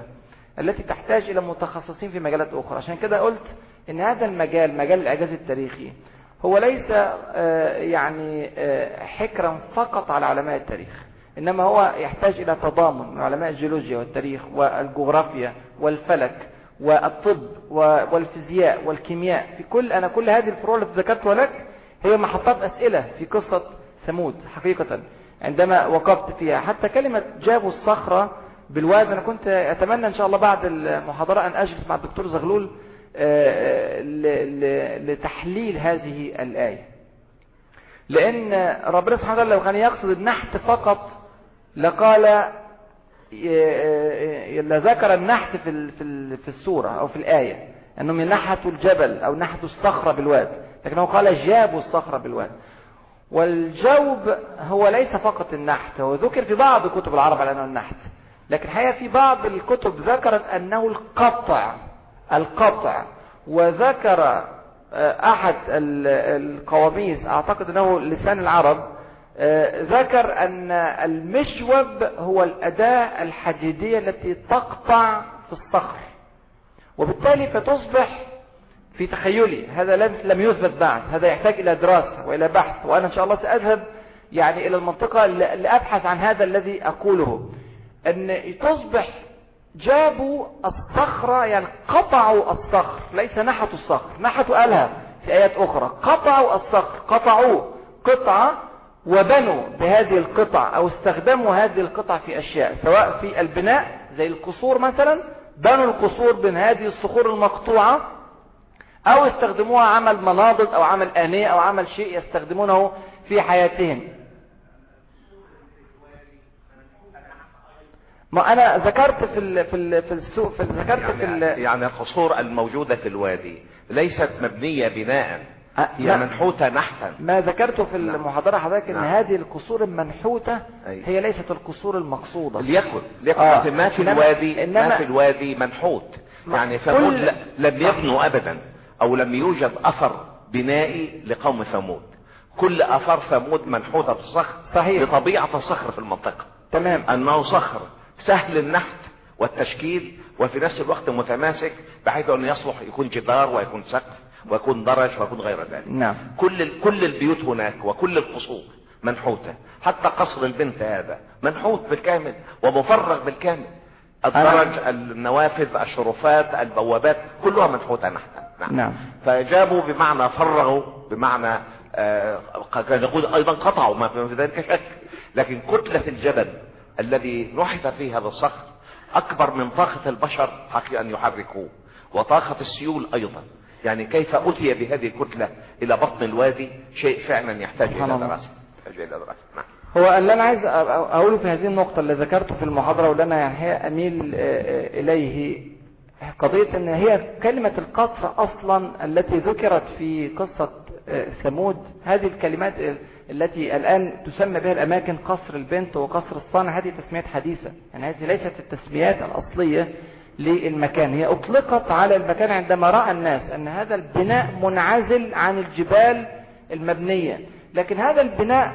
منحوت زي ما حضرتك قلت هذا البناء منحوت وربنا سبحانه وتعالى لم يذكر النحت مع القصور إنما قال وتتخذون من سهولها قصورا وتنحتون الجبال بيوتا فرق ما بين طريقة بناء القصور وطريقة بناء البيوت فأنا أقول أن القصور اختفت هي غير موجودة يعني القصور المعنية في القرآن زي ما ذكرت في الآيات القصور هذه اختفت غير موجودة القصور كما جاء في قول ربنا عز وجل فدمدم عليهم ربهم بذنبهم فسواها كلمة دمدم في اللغة يعني ألزق بالأرض وسواها جاءت في القرآن الكريم بثلاث معاني ان هو المساواة بين شيء وشيء او سواها يعني احسن صنعها زي رفع سمكها فسواها او خلق فسوى وسواها يعني جعلها مساوية للارض زي قول الله سبحانه وتعالى في القرآن الكريم آه، يومئذ يود الذين كفروا وعصوا الرسول لو تسوى بهم الارض فسواها في هذه الايه متناسقة مع كلمة دمدم دمدم يعني ألزق بالأرض وهذا ينطبق على القصور القصور يا اخواننا هي كانت بيوت الكبراء وبيوت العظماء من اهل الثمود قال الذين استكبروا للذين استضعفوا لمن امن منهم هؤلاء كانوا يسكنون في القصور وعندما اهلك ربنا عز وجل هذه القرية او هذه المدينة مدينة ثمود عندما اهلكها دمر تدميرا كاملا بيوت المتكبرين هؤلاء وابقى بيوت الجبال اللي هي كانت بيوت الضعفاء عامة الناس أبقاها لتكون آية إن في ذلك لآية لقوم يعلمون كما جاء في سورة العنكبوت فهذا الكلام كله إذا افتراض نظري يحتاج إلى دراسة أنا أعتقد أننا لو ذهبنا إلى أرض ثمود بهذه الرؤية وعلى فكرة احنا عندنا رؤية تختلف عن رؤية كل أثريين العالم لأننا ننظر بنور القرآن الكريم وهذا لا يمكن لأحد أن يصل إليها القرآن بيديك إشارة تدور في حتة معينة قد تصل إلى شيء قد لا تصل فترجع تدور تاني وتحاول تفهم من جديد المعنى القرآني عشان تصل وهو يقيني وحقيقي وصادق لا نقول يعني لا يأتيه الباطل من بين يديه ولا من خلفه لا نقول المعظم ولكن هو كله حق هو كتاب رب العالمين سبحانه وتعالى فإذا أشار هذه الإشارات نبحث وراءها لو ذهبنا إلى أرض ثمود فأنا أتمنى أن ننظر إلى هذه الأشياء أولا إلى بقايا آثار لقصور كانت مبنية وانتهت وأنا شفت فيلم وثائقي على آه، كان في بيتكلم على إنجلترا وعلى قصر وجد تحت الأرض القواعد بتاعته فأسس القصر بكامله على الكمبيوتر بعد كده لما لقوا هذه القواعد موجودة وكان الأرض مساحة فضاء سواها أصلا مساحة مستوية تماما لكن وجدوا آه، بعض الأحجار التي تكون حجرة فبحثوا وراءها فوجدوا حجرة ثم حجرة ثم حجرة, حجرة وبالتالي وجدوا قصرا كبيرا مبنيا لعل مثل هذا الاكتشاف لو اكتشف يكون يعني حقيقة آه، مبهرة وقنبلة علمية أن يوجد مثل هذا الأثر في داخل أرض السمود أو السهول سمود المنبسطة الواسعة ثم رؤية الجبال هناك هل الجبال الموجودة في السمود في جبال منحوتة دي قضية منتهية لكن هل هناك جبال أخرى مقصوصة مقطوعة يعني هل هناك يظهر أثر القطع البشري وليس التكوين الطبيعي هل يظهر في بعض الأماكن أثر قطع بشري فتصبح هذه الجبال المنحوتة وهذه الجبال المقطوعة هذه الذي ظهر فيها أثر النحت وهذه الجبال التي ظهر فيها أثر الجوب والجوب كما يقول العرب في بعض لغتهم على كلمة إجابه أن المجوب هو الأداة التي يقطع بها الحديد يقطع بها الصخر وهي من الحديد هي أداة من الحديد يقطع بها الصخر والجوب هو القطع ويجوز أيضا أن يكون بالمعنى الذي أشار إليه فضيلة الدكتور آه، زغلول النجار أنه النحت أو التفريغ للحجر ولكن اختلاف الألفاظ بيدي بيعطي ثراء قد تظهر من وراء حقائق علمية تحتاج إلى بحث كبير آه، المتدخل الموالي السيد حسن بن عباس وأذكر الإخوة آه، إذا كان السؤال فالمرجو أن لا يتجاوز دقيقة وإذا كان التدخل فالمرجو أن لا يتجاوز دقيقتين بسم الله الرحمن الرحيم شكر الله لأستاذنا الكريم هذه المحاضرة الطيبة المباركة استفساران الاستفسار الأول عند حديثكم عن بيوت ثامود ذكرتم في المقابل قوم عاد وقلتم إن آه، قوم عاد لم تبقى لهم باقية مستدلين بقوله تعالى فهل ترى لهم من باقية ثم قلتم رؤية بعض الأعمدة لقوم عاد وقلتم لو ثبت هذا أو لو افترض يعني صحة هذا فإنها ليست بيوت فهل معنى الباقية هنا البيوت يعني على آه، قواعد اللغة العربية أو الضوابط التي ذكرتم ثم آه، استفسار الثاني هو قوله تعالى آه، خاوية عند حديثكم عن خاوية وقلتم فيها مقابر هل يعني أن المقابر لا تملأ المكان وهذا يعني أن جميع المقابر خاوية معاش نعم، ثاني ثاني سؤال آه، عند حديثكم عن قوله تعالى خاوية نعم. قلتم ليس فيها شيء لحد الآن لكن قلتم فيها مقابر فهل المقابر يعني أنها لا تملأ المكان فهي خاوية شكرا فهل ترى لهم من بقية هي كلمة عامة لكن ذكرناها لأن في سورة العنكبوت قال سبحانه وتعالى فتلك مساكنهم لم ت... آه، آه، وعادا وثمود وقد تبين لكم من مساكنهم فذكرنا أن قضية المساكن بالنسبة للبقاء لم تبقى بالنسبة لعاد لكن بقاء الأعمدة هذه حتى حتى بقاء الأعمدة هو أمر غير ظاهر لمن يذهب حتى من يقول أنها موجودة هذه الأعمدة فهي تحت الأرض يعني هي غير ظاهرة للعين المجردة وما جاء في في بعض صور الانترنت على بعض أثار عاد كله مفبرك يعني هو كله صحيح غير صحيح لم يجد حد إلى الآن أي إنسان أثار معينة ثبت أنها أثار لعاد والغريب إن, أن هذه الصور المفبركة هي من الهند ومعروفة يعني الذي يضعها يضعها وهو يستهزئ بالمسلمين حقيقة لأن هي صور مدينة معروفة في الهند المنتشرة على الإنترنت على أنها مدينة عاد وهي ليست حقيقية أن أرض الأحقاف عبارة عن تلال من الرمال وكلمة حقف أصلا يعني تل من الرمل فهي إلى الآن ما زالت تلال من الرمال ليست فيها بيوت معروفة وليست فيها أثار بقية فكما أشرت يعني حضرتك هي فعلا ممكن تشمل كل شيء يعني تشمل البيوت وغير البيوت لكن إذا كنا نتحدث عن بقاء البيوت مع ثمود فنقول أنه لم يبقى بيوت لغيرهم سواء كانت عاد أو غيرهم والتحدي واضح في القرآن لا بس آه، لو سمحت يا دكتور يعني الحقيقة الكشف عن آه، إرم كشف حقيقي قد يكون بعض الصور على الإنترنت صور مزورة نعم. لكن الكشف عن إرم كشف حقيقي والجهة التي قامت بالكشف آه، جي بي ال جيت بروبالشن لابوراتوريز من كاليفورنيا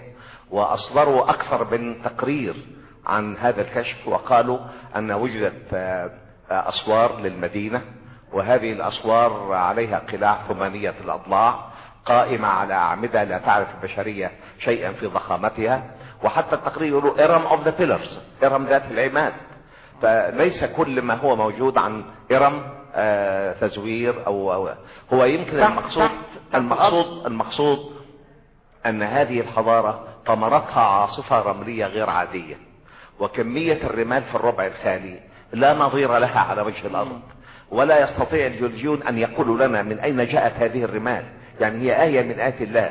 فسخرها عليهم سبع ليال وثمانية أيام حصومة فترى القوم فيها صرعى كأنهم عجل نخل خاوية والتقرير الذي جاء من جي بي ال والله أعجبني فيه أنهم يقولوا أن هذه الحضارة ثمرتها عاصفة رملية غير عادية فطبعا إنكار آه، كشف إرم لا غير صحيح إرم تم كشف عنها وهذا يعز القرآن الكريم ويعز يعني الإعجاز التاريخي في القرآن الكريم أن تكتشف هذه المدينة في هذه المنطقة التي حددها القرآن الكريم الأحقاف وكما تفضلت حقف يعني كتيب رملي متحرك هذه رمال سافية متحركة ثمرت هذه العاصفة هذه المدينة في عاصفة رملية سخرها ربنا تبارك وتعالى صحيح هذا لون عظيم جدا من الإعجاز وأيضا يعني هذا يتناسق مع الآية يعني نعم. فهل ترى لهم من بقية نعم. نعم. يعني أنت لا ترى لهم من بقية اذهب إلى المنطقة لن تجد شيئا نعم. نعم. لكن اكتشف أن المدينة موجودة تحت الأرض ولن يبقى لها بقية بينما ثمود ما زالت ظاهرة أمام العين هذا يعني تفريق بين الحضارتين شيء مبهر يعني تم في شمال سوريا الكشف عن مدينة أثرية قديمة جنوب حلب ووجد فيها أربعين ألف قالب من الطوب آه، صلصال عن الألواح ووجد فيها اسم ثمود واسم آه، عاد واسم إرم وقالوا يعني الذين كشفوا الأثر قال لا يعرف المؤرخون شيئا عن هذه المدن إلا ما جاء عنها في القرآن الكريم في سورة الفجر وذكروا الصورة رقم الصورة نعم فالكشف عن إرم حقيقة ويجب أن نقر بذلك إن شاء الله شكرا كان ايه السؤال الثاني اه هي خاوية خاوية من سكانها يعني. يعني لا نعتبر سكان المقابر يملؤون يعني، الديار والديار خاوية حتى ال يعني المقابر تحت تحت لما دخلوا حفروا المقابر للموتى ما حطوهاش آه، كصندوق هكذا في داخل البيت انما حفروا في داخل الارض ارض البيت وغطوها فمن دخل البيت هو خاوي الا من العظام بقى الباليه يعني السيد دريبي عيسى بسم الله الرحمن الرحيم أولا مرحبا بمصر في المغرب الله آه، أشكر لدكتور راغب هذا التتبع الدقيق لهذا الموضوع وهو مقرر عند العلماء آه، وما يسمى بالإعجاز الغيبي أحد أوجه الإعجاز الغيبي الإعجاز الغيب في الماضي بل إن بعض العلماء قديما وحديثا يرون خاصة المتقدمين يرون أن هذا الوجه هو من أوجه من أكثر أوجه إعجاز القرآن الكريم ظهورا لأنه لا يمكن للنبي صلى الله عليه وسلم أن يأتي مثل هذه التفاصيل الدقيقة وأشكر له ذكر هذه الضوابط التي ذكرها لكنني أتساءل في بعض النقاط التي ذكرها في قضية أوجه بعض الأوجه التي ذكرها يمكن أن نناقش أو نناقش الدكتور أو نتساءل معه في ظل بعض الضوابط التي ذكرها فمثلا الوجه الثاني البيوت دون قصور احتكاما للوجه الذي ذكره في قضية أن اللغة تعتبر أصل مهم جدا في بقى في الكشف عن إعجاز هذا الوجه فيه فيه كلام لأن البيوت في لغة العرب تطلق على القصور والقصور تطلق على البيوت بينهما عموم وخصوص فإطلاق أو التحديد أن البيوت دون القصور وجه من أوجه الإعجاز هذا يحتاج إلى إعادة تأكيد ولهذا نقول أن الطاهر بن عاشور صاحب التحرير والتنوية وأنا أدعو الدكتور أن يتتبع أصحاب كتب التفسير المهتمين بالإعجاز البياني في التفريق بين دلالات هذه الألفاظ الدقيقة فهم يكشفون عن وجه مهم جدا في هذا الباب ولهذا نقول أن كون يكون هذا وجه إعجاز هذا أظن فيه نظر وقوله فدمدم عليهم ربهم بذنب فسواها هذا بالأغلبية وإلا ليس معنى هذا أنه دمدم القصور وأبقى البيوت فالبيوت هي القصور يطلق أحد مع الآخر الأمر الثاني ذكر فيما ذكر وحد الضوابط قضية أن أن يكون الإعجاز مبني على شيء علمي صحيح أو منضبط وفيما ذكر من أوجه الترتيب المنطقي في السور وبناه على أن ترتيب السور توفيقي وهذا أحد أوجه الأقوال أحد وجهين قويين وجه الثاني وهو قوي وله أدلة من من من أقوال العلماء أن ترتيب الصور غير توقيفي وعلى هذا فلا فلا نبني وجها إعجازيا على أمر فيه شك ولهذا أريد أن أخلص إلى المسألة وهو أن مصطلح الإيجاز وهذا دعوة لاحترام هذه المصطلحات في مثل هذه الملتقيات العلمية وأستاذنا الدكتور راغب من من من مهتمي بهذا الأمر المصطلحات ينبغي أن تقدر وتحترم بشكل قوي كلمة إعجاز من أهم شروطها أن يكون هذه المعجزة متحدا بها أن يكون متحدا بها إلا إذا كان الدكتور يرى رأي الدكتور عاشق أنت الشاطئ أن التحدي انتهى والإعجاز باقي هذا رأيي فيه يعني فيه كلام نحن قلنا الإعجاز باقي والتحدي باقي ولهذا إذا أطلقنا كلمة المعجزة ينبغي أن يطلق من أهم إطلاقاتها من أهم ضابط أن يكون هذا المعجز أمر متحدا به التحدي في قصة ثمود في الإخبار بها وبتفاصيلها كاملة ولهذا أي وجه من هذه الأوجه التي ذكر الدكتور ينبغي أن يقتصر على الوجه الذي يكون التحدي فيه ظاهر ومبني على أمر يقيني واضح وشكر الله لك واضح جزاك الله خيرا هو أنا حقيقة أختلف مع حضرتك في موضوع أن البيوت هي القصور والقصور هي البيوت لأن ربنا سبحانه وتعالى إذا نوع في اللفظ فهو يقصد أمر التنويع لأن مفيش لفظ يحل محله لفظ آخر في القرآن الكريم وإلا يعني مش مجرد مترادفات مش تصلح هذه الكلمة أو هذه الكلمة وهذه الكلمة وكلمة بيت عند العرب تختلف عن كلمة قصر وأنا رجعت إلى كل ما ذكره الطاهر ابن عاشور في التحرير والتنوير قرأته بكامله واهتميت جدا به في كل الآيات التي ذكرتها لأنه كان بيهتم بأصل اللغة وأصل الكلمة والبيان وهو لم يتعارض مع ذلك الأمر بل قال إن القصور هي مساكن الأغنياء والأثرياء والبيوت هي مساكن الضعفاء والبسطاء ففرق بين هذا وذاك وهذا القاء الكلمة على على ذهن العربي كان يفرق كلمة قصر ورد في القرآن الكريم في أكثر من مكان لا أستطيع أن أقول أن كلمة قصر عندما جاءت كانت تعني البيت مجرد بيت إنما كانت تعني القصر وإنها ترمي بشرر كالقصر أو يجعل لك قصورا وبئر معطلة وقصر مشيد في كل هذه لا أستطيع أن أقول القصر والبيت بهذه البساطة القصر مختلف عن البيت وربنا سبحانه وتعالى عندما ذكر البيوت في قصة ثمود فرق بوضوح قال وتتخذون تتخذون من سهولها قصورا وتنحتون الجبال بيوتا وكان من من الأبلغ لو كان الاثنين زي بعض أن يقولوا تتخذون من سهولها وجبالها بيوتا وخلاص وهذا أقصر وأبلغ لكن هو ده مختلف عن ده فذكر هذا بصفة وهذا بصفة ولا بد من البحث في إنما عندما ذكر الإهلاك كما ذكرت في في النص في المحاضرة عندما ذكر الإهلاك ذكر الديار التي تشمل القصور وتشمل البيوت قال فأخذتهم الرجفة فأصبحوا في دارهم جاثمين أو فأخذتهم الصاعقة فأصبحوا في ديارهم جاثمين ف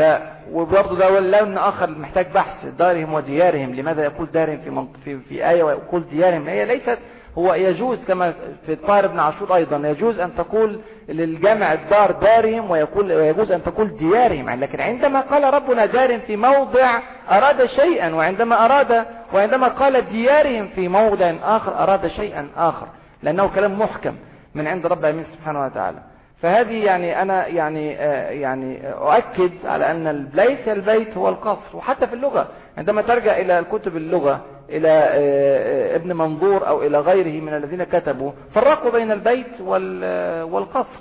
البيت شيء والقصر شيء آخر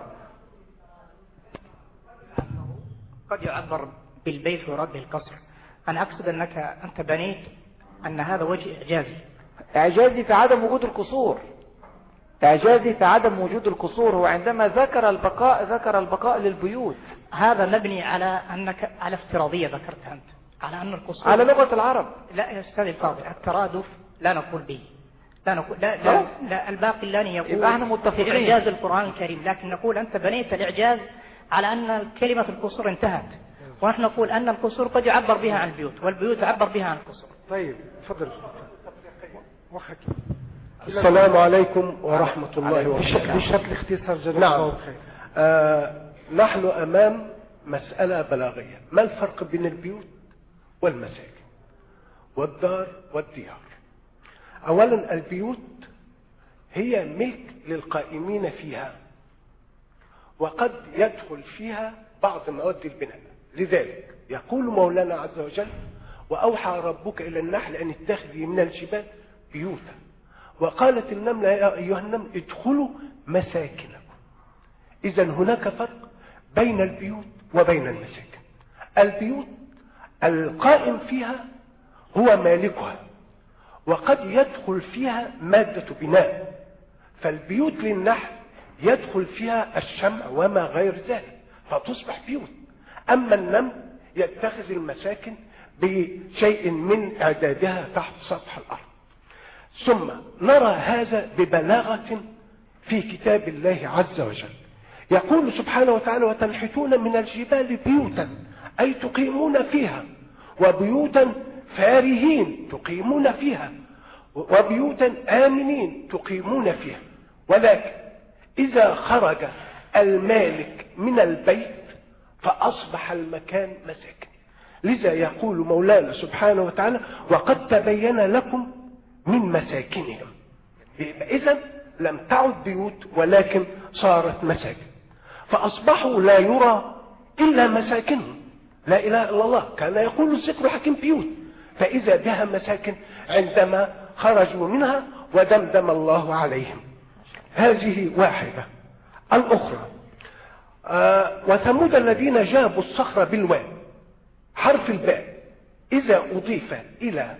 اسم المكان صار المكان منخفضا كانوا يتخذون والله أعلى وأعلم البيوت في الجبال في فترة الشتاء وكانوا يتخذون القصور للإقامة في فصل الصيف لكي تنزل عليهم رياح من الجبال لتلطف الجو إذا القرآن الكريم يفرق تماما بين البيوت والمساكن والقصور أيضا لأن القصور لها طبيعة في النشأة وتدخل فيها العمارة وغير ذلك أثابكم الله جزاكم الله كل خير والله إشارة جميلة بارك الله فيك آه، جزاكم الله خير تعقيب في نفس الموضوع أرجو أن يختصر السلام عليكم ورحمة الله وبركاته عليكم السلام ورحمة الله وبركاته طبعا سعداء جدا بالنقاش الساري ده آه، جميل يعني ما شاء الله الفترة اللي لسه لحد دلوقتي مجموعة من الآراء غير عادية وجميلة جدا يعني ربنا يبارك فيهم أنا هتجاوز يعني نقطة الخلاف حوالين مسألة البيوت والقصور وما إلى ذلك عشان نعملها معجزة يبقى كان لازم إن احنا نجد أساس علمي سليم للقصور يعني كان لازم فعلا زي ما حضرتك طلبت كده ان احنا نروح للمكان ونفحر ونطلع القصور دي ونشوف اصلها موجوده ولا مش موجوده فاذا وجدت صارت معجزه ودليل على كلام حضرتك انما آه، آه، آه، اذا لم توجد يبقى لابد ان احنا نعيد النظر للنص القراني علشان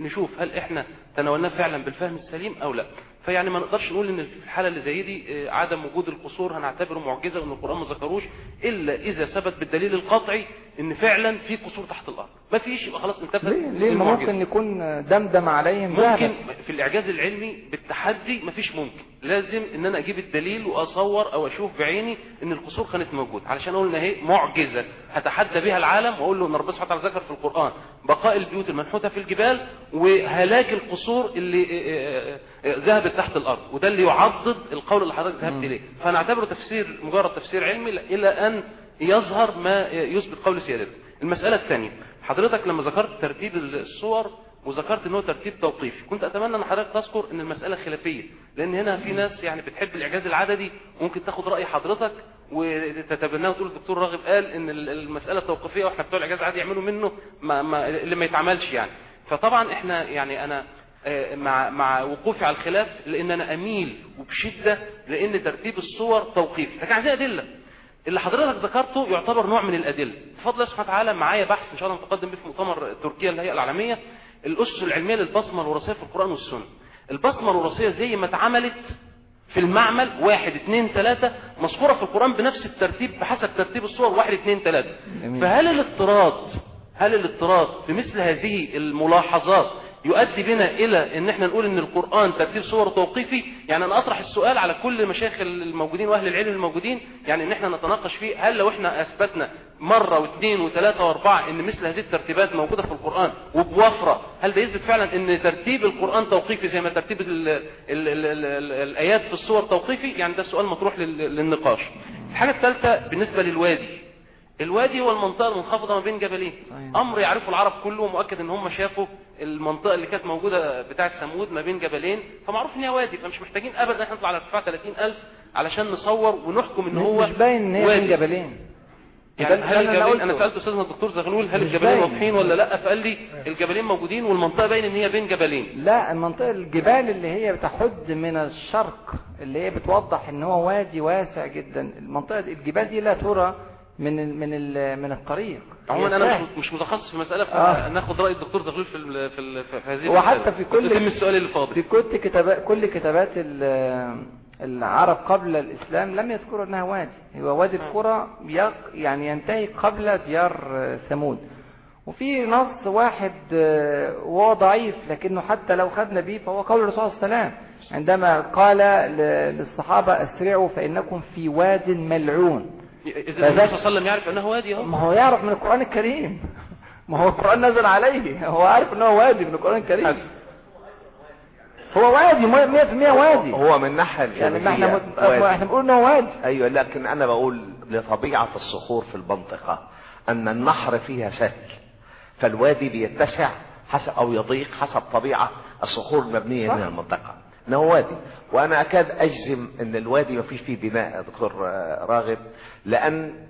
الحقيقة ما فيش صخور تصلح للبناء في المنطقة يعني هم لجأوا للنحت ليه الصخور ليست قاسية بحيث ان يبنى بها وليست هشة بحيث انها تنهار هي صخور متوسطة الصلادة فوجدوا ان النحت هو اسهل الوسائل وحتى ما ما في بطن الوادي منحوت يعني مفرغ تفريغ ولا يوجد في المنطقة يعني على مسافة معقولة اي صخور تصلح للبناء يعني اقرب صخور تصلح للبناء الحرات الموجودة في غرب المنطقة على مسافة لا تقل عن 100 كيلو التي أتي منها بالطمي الذي جعل الوادي وادي خصبا فأنا أكاد أقول أن المنطقة ما فيها صخور للبناء ولذلك لجأوا للنحت ولكن الغريب في المنطقة حقيقة كتل الصخرة الموجودة في بطن الوادي يعني لا السيول تستطيع أن تحركها ولا الإنسان يستطيع أن يحركها كيف أوذي بها البطن الوادي هذا أمر يحتاج إلى دراسة إن شاء الله يعني إن شاء الله بخص السؤال يعني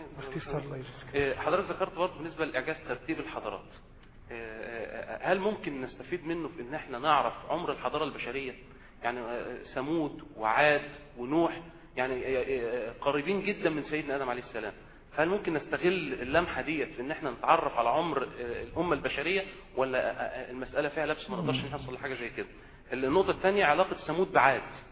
يا ترى في علاقة نسب وقرابة بينهم وبين بعض هل نعم. هم يعتبر استمرار ليهم ولا دي أمة منفصلة عن قوم عاد جزاكم الله خيرا أقول لك آخر سؤال أنا أجاوب عليه عشان هو ده السؤال طبعا العمر البشرية هذا آه، يعني آه، ليست هناك هو في تقديرات لكن ليست هناك يعني أدلة علمية تثبت أن عمر البشرية كم سنة لكن أنا في آه، حفريات وجدت للإنسان بهيئته اللي هو الإنسان البشرية ديت عمرها مليون وربع مليون سنة م? لا لا لا إنسان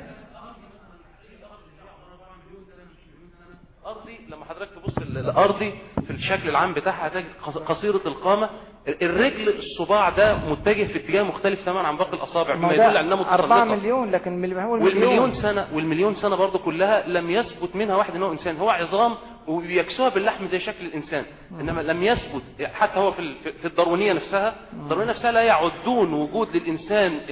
الحضاري الحديث اللي هو الهومو سابينز الا منذ 30 30 الف سنه تقريبا اللي هو العصر الحجري كمان يعني مش بيعدوا مثلا ان هو من انسان لحد مجرد الانسان الحجري كمان والانسان اللي هو النندرتال اللي كان معاصر للانسان الحديث نفسه ما طلعش انسان ده مجرد كائن من الكائنات القرديه اللي بتاخد شكل وفيها شبه انسان هو هو يعني هي كائنات اشبه للبشر ما فيش عندك دليل ان انت لو انت لو انت وجدت حفريات ممكن تجد حفريات اقدم ما وجدتش انت حفريات قديمه معينه يعني يعني احنا ما زلنا نكتشف في الموضوع لكن من ما من, الق... من لا بالعكس بالعكس ده انا بقول لك ان الانسان كانسان انا ماليش دعوه بالتطور اللي بيقوله داروين هو ما ثبتش ان هي انسان ما انا فاهم انا ال... ال... وجد او لم يوجد ممكن يوجد مستقبلا طيب شيء أنا معين انا اريحكم في هذا رجل يعني يعني اخر ما قيل في هذا الامر أن سفينة نوح اكتشفت على جبل اسمه الجودي في جنوب تركيا وتم تحديد العمر المطلق لخشب السفينة في حدود 30 ألف سنة سيدنا رسول الله صلى الله عليه وسلم يقول أن بين آدم ونوح عشرة قرون عاشت على التوحيد الكامل لله سبحانه وتعالى بغير شريك ولا شبيه ولا منازع ولا صاحبة ولا ولد فأقول حتى الأمريكان الآن يقولون أقدم أثر للإنسان العاقل كما يتخيلونه أربعين ألف سنة فأقول كل الاكتشافات التي تتعدى هذا التاريخ هم نفسهم يسموه أنثروبويدز أشباه أناسية ليست بأناسية فيعني مسألة مليون واثنين مليون واربع مليون هذا كلام غير صحيح ولا يجوز أن نتحدث به لكن أقول اكتشاف سفينة نوح يعني نقطة فاصلة في الكشوف التاريخية التي يمكن ان تحدد لنا اطول مدى للانسان هل ده مؤكد حضرتك مؤكد نعم نعم مضروب منشور في بحوث علمية و... لا انا قصدي مؤكد ان هي ديت سفينة نوح على طبعا وجد على جبل اسمه الجودي مطمورة في رسوبيات للمياه العذبة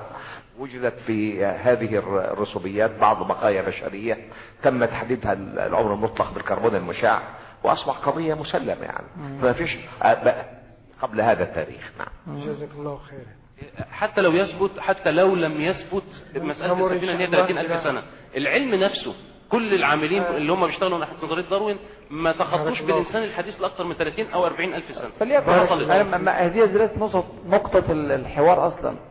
يعني نقطة الحوار أنت بتقول نخلص إلى عمر البشرية أنا هذه نقطة ما أدري ما الذي ينبني عليها من عمل ان انت حكمت ان هو 30 40 40 الف المهم الترتيب هذا كما ذكر الدكتور زغلول ان هو آه، نوح إذا عرف زمنه فقبله بألف بعشرة آلاف سنة كان آدم عليه السلام لكن آه، نوح عليه السلام ثلاثين ألف ولا وثلاثين ألف ولا وثلاثين ألف يعني إنما الترتيب هذا ترتيب معجز الذي جاء في القرآن الكريم و و واكتشف في الأثار يعني أن نوح قبل ثمود على سبيل المثال يعني كيف يعرف الرسول صلى الله عليه وسلم أن نوح قبل ثمود أريد فقط أن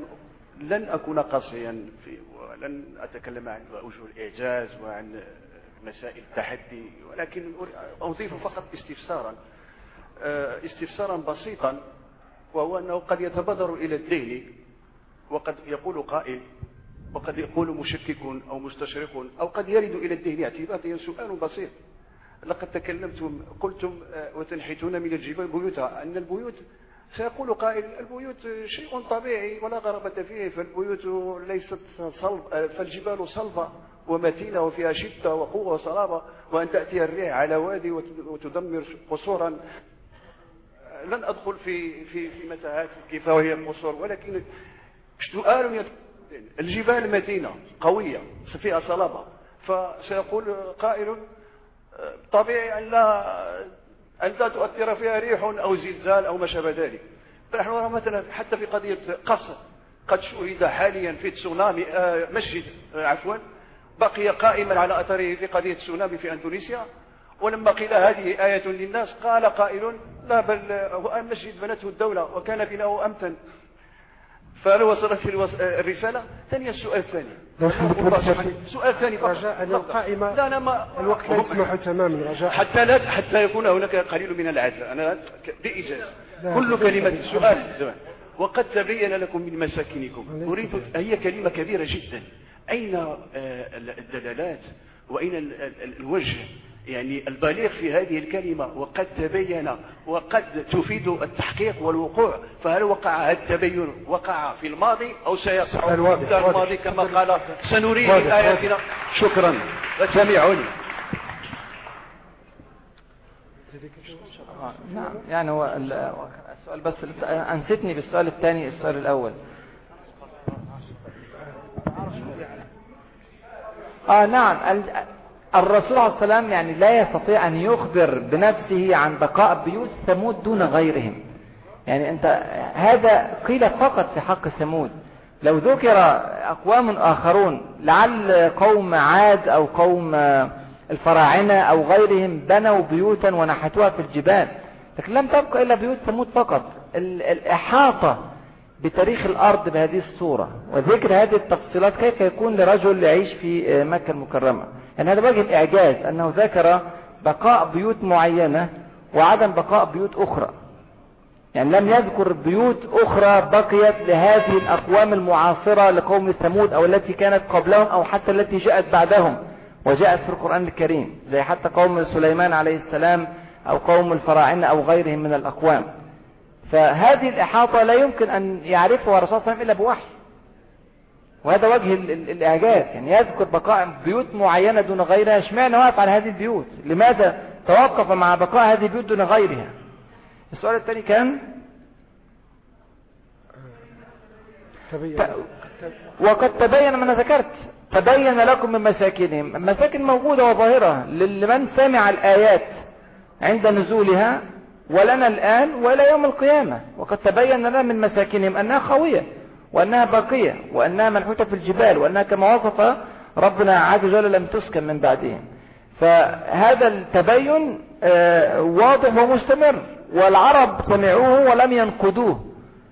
يعني العرب عندما ذكر أن المساكن باقية ويتبين لهم رؤية هذه المساكن خوية لم ينكروا هذا القول وهم يمرون على هذه الديار وهم في طريقهم إلى الشام وشايفين الديار موجودة لما وقفوا على هذه ما تعرضوا للقرآن الكريم بناقض في هذه القضية شكرا السيد رشيد أريد رأيك فيما سأقول ذكر الله عز وجل أحوال الأمم السابقة لما أرسل إليهم رسلا وأنهم سعلوا عليهم بحضارتهم وعمرانهم فدمر عليهم لكونهم لم لم يلتزموا أمر الله عز وجل ولم يستسلموا له ولم ينقادوا له بالتوحيد في دعوات بعد بعض الدعوات الإسلامية المعاصرة تنطلق من من أسسها حول آه، الانبهار بالغرب وحضارته العالية مع أن الله عز وجل لما ذكر لما ذكر الحضارات السالفة ذكرها في مقام الذم ولم ولم يمدحها ولو في آية واحدة فالأصل في الدعوات أنها دعوة التوحيد لله عز وجل والانقياد والانقياد له وهذه هي دعوة القرآن الأولى والآخرة وما ذكر القصص السالفة إلا في مقام العبرة والاتعاظ فما توجيهكم لأصحاب هذه الدعوات سواء خصوصا أنهم ينطلقوا من أفكار إسلامية ثم يتحدثون عن الحضارة وتشييدها وجزاكم الله خيرا جزاكم جزاك الله كل خير ولهذا طبعا إشارة رائعة ولطيفة وفقصص القصص لعلهم يتفكرون أشار الأخ الفاضل إلى العبرة من وراء ذكر القصة في القرآن الكريم أحد أهم أوجه هذا الذكر هو الاتعاظ والاعتبار بما حدث للأقوام السابقة قصة عاد آه، ذكر ربنا عز وجل آه، التي لم يخلق مثلها في البلاد وفي آية أخرى في سورة فصلت قالوا من أشد منا قوة فوصلوا إلى درجة من العلو سواء برضو ثمود نفس القضية قوم الفراعنة يعني ما علمت لكم من إله غيري هذه الأنهار تجري من تحتي يعني هذه ثم في النهاية انتهت مثل هذه الحضارات الرسول صلى الله عليه وسلم كان يخشى علينا مثل هذا الانبهار عشان كده أمر الصحابة لا يدخلوا هذه الديار تدخل هذه الديار وتنبهر بعظمتهم وقوتهم وروعة أدائهم وحسن صناعتهم وكذا وكذا وتنسى أن الله أبادهم وأن الله أهلكهم سبحانه وتعالى فوجه الاتعاظ هذا والاعتبار ضروري جدا لمن عمل في هذا المجال لأن ممكن تدخل تقرأ في المصريات وتقرأ في تاريخ الفراعنة أشياء تنبهر بها إلى درجة تجعلك من المعجبين بهؤلاء القوم وليس من المتعظين بهلاكهم وأهلكهم ربنا عجل في لحظة انتهت القضية أغلق ملفهم خلاص لكن القضية الأساسية أن أنظر إلى العبرة والعظة وليس هناك مانع طبعا مع النظر إلى هذه العبرة والعظة إلى النظر إلى الوجوه الأخرى من الإعجاز في القرآن الكريم ليس فقط في موضوع التدبر في نهايات الأقوام أو ما إلى ذلك ولكن أيضا الإعجاز العلمي والتاريخي والبياني واللغوي كما تفضل الدكتور آه، السيد في شرح الفرق بين المساكن والبيوت في إشارة رائعة وجميلة وتعضد ما يعني نتكلم به يعني هذا التكامل وهذا آه، المعاني السرية في القصة الواحدة القصيرة بكل هذه الألوان من الإعجاز والفوائد التربوية والفوائد البنائية للأمة وهذا شيء مبهر لا تجده إلا في القرآن الكريم بارك الله فيك السيدة إيمان بن, ملك بن المكي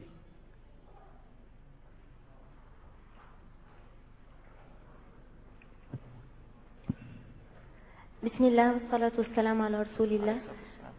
صراحة أستحي أن أتدخل وسط هذه السلة من العلماء الذين تدخلوا لكن سأبدأ, سأبدأ بالكلام بعجالة قبل أن أبدأ بالتلعثم أود أن أبلغ رسالة من مجموعة من شباب مدينة فاس للدكتور راغب السرجاني هي نقطتين تهنئة ورسالة أولا تهنئة عن نيله جائزة مبارك للدراسات الإسلامية عن بحثه في ماذا قدم المسلمون للعالم جزاكم الله خير وثاني تهنئة هي عن موقعه العظيم لموقع الإسلام والذي أصبح يعني أبشرها أنه أصبح الأكثر مشاهدة أعتقد في في المغرب وخاصة من طرف الشباب. جزاك الله خير. ثانيا الرسالة هي التي بلغت ب... التي كلفت بتبليغها هي أن تقوم حضرتكم بزيارة لمدينة فاس آه، لأن هناك العديد من الشباب الذين يودون لقاءكم والمهتمين بمشروعكم لتصحيح التاريخ وتحت إشرافكم شكرا الله كل خير الله يكرمك أنا أشكر الأخت حياة على المشاعر الطيبة والحقيقة أنا من أول ما نزلت آه، الدار البيضاء وقلت للإخوة أنا عايز أزور فاس تحديدا سبحان الله فإن شاء الله ربنا سبحانه وتعالى يعني آه، ييسر لنا زيارة كل المدن المغربية والالتقاء مع الشباب موقع كوم اللي انتم شايفينه على ال على الشاشة أثناء الحضور أثناء المحاضرة من أولها لآخرها وموقع يدافع عن التاريخ الإسلامي ويحلله في الآن الحمد لله 18000 صفحة تتحدث عن التاريخ الإسلامي وهو يعني 18000 دول عبارة عن الجزء الثاني من حوالي 15 جزء فاحنا ان شاء الله يعني عندنا مشوار طويل نسأل الله عز وجل أن يتمه علينا بالبركة وبجهودكم المغرب هي الدولة الثانية في الدخول على الموقع إجمالا بعد مصر مصر طبعا عشان يعني أنا قاعد فيها وبعمل لقاءات ومحاضرات وكده فأنا أحيي حياة شباب المغرب وشعب المغرب على الدخول المكثف على الموقع وليس فقط الدخول المكثف ولكن التفاعل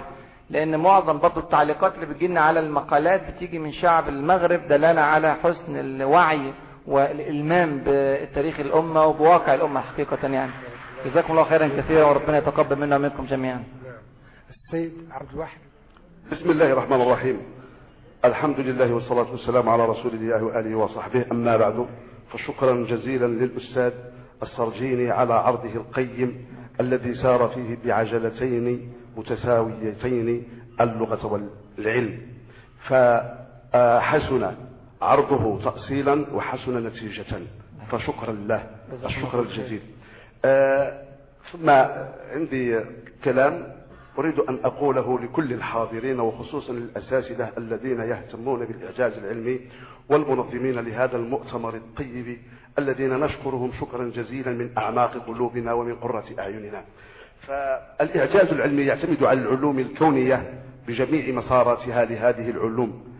أهلها المختصون بها وهم أقلية بالنسبة لأفراد الأمة ودين الأمة ميسر سهل بجميع نصوصه القرآنية والحديثية حيث فهمه المخاطبون به فهما صحيحا لفظا وقصدا أي مرادا ومن هنا نبه الإمام الشاطبي في الموافقات على أمية الشريعة التي ينبغي أن تفهم دائما فهما بسيطا لا تعقيد فيه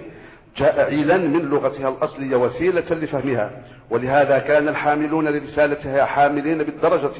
الأولى للغتها التي هي لسانها وطريق فهمها ألا ترون سيدي أو ساداتي المهتمين بالإعجاز العلمي وهو شيء مهم ونفيس ونثمنه جدا لكن بناء على الأقلية التي تفهمه ففرض كفاية عليهم أن يقدموه إلى غيرنا وفي مثل هذه المؤتمرات وغيرها ألا ترون أن الاهتمام بلغة القرآن الكريم وجعلها اللسان الأول للمسلمين الذي ينبغي أن يكون لكل مسلم حظ منها كما يقول الشافعي في رسالته ليعبد بها ربه أو لا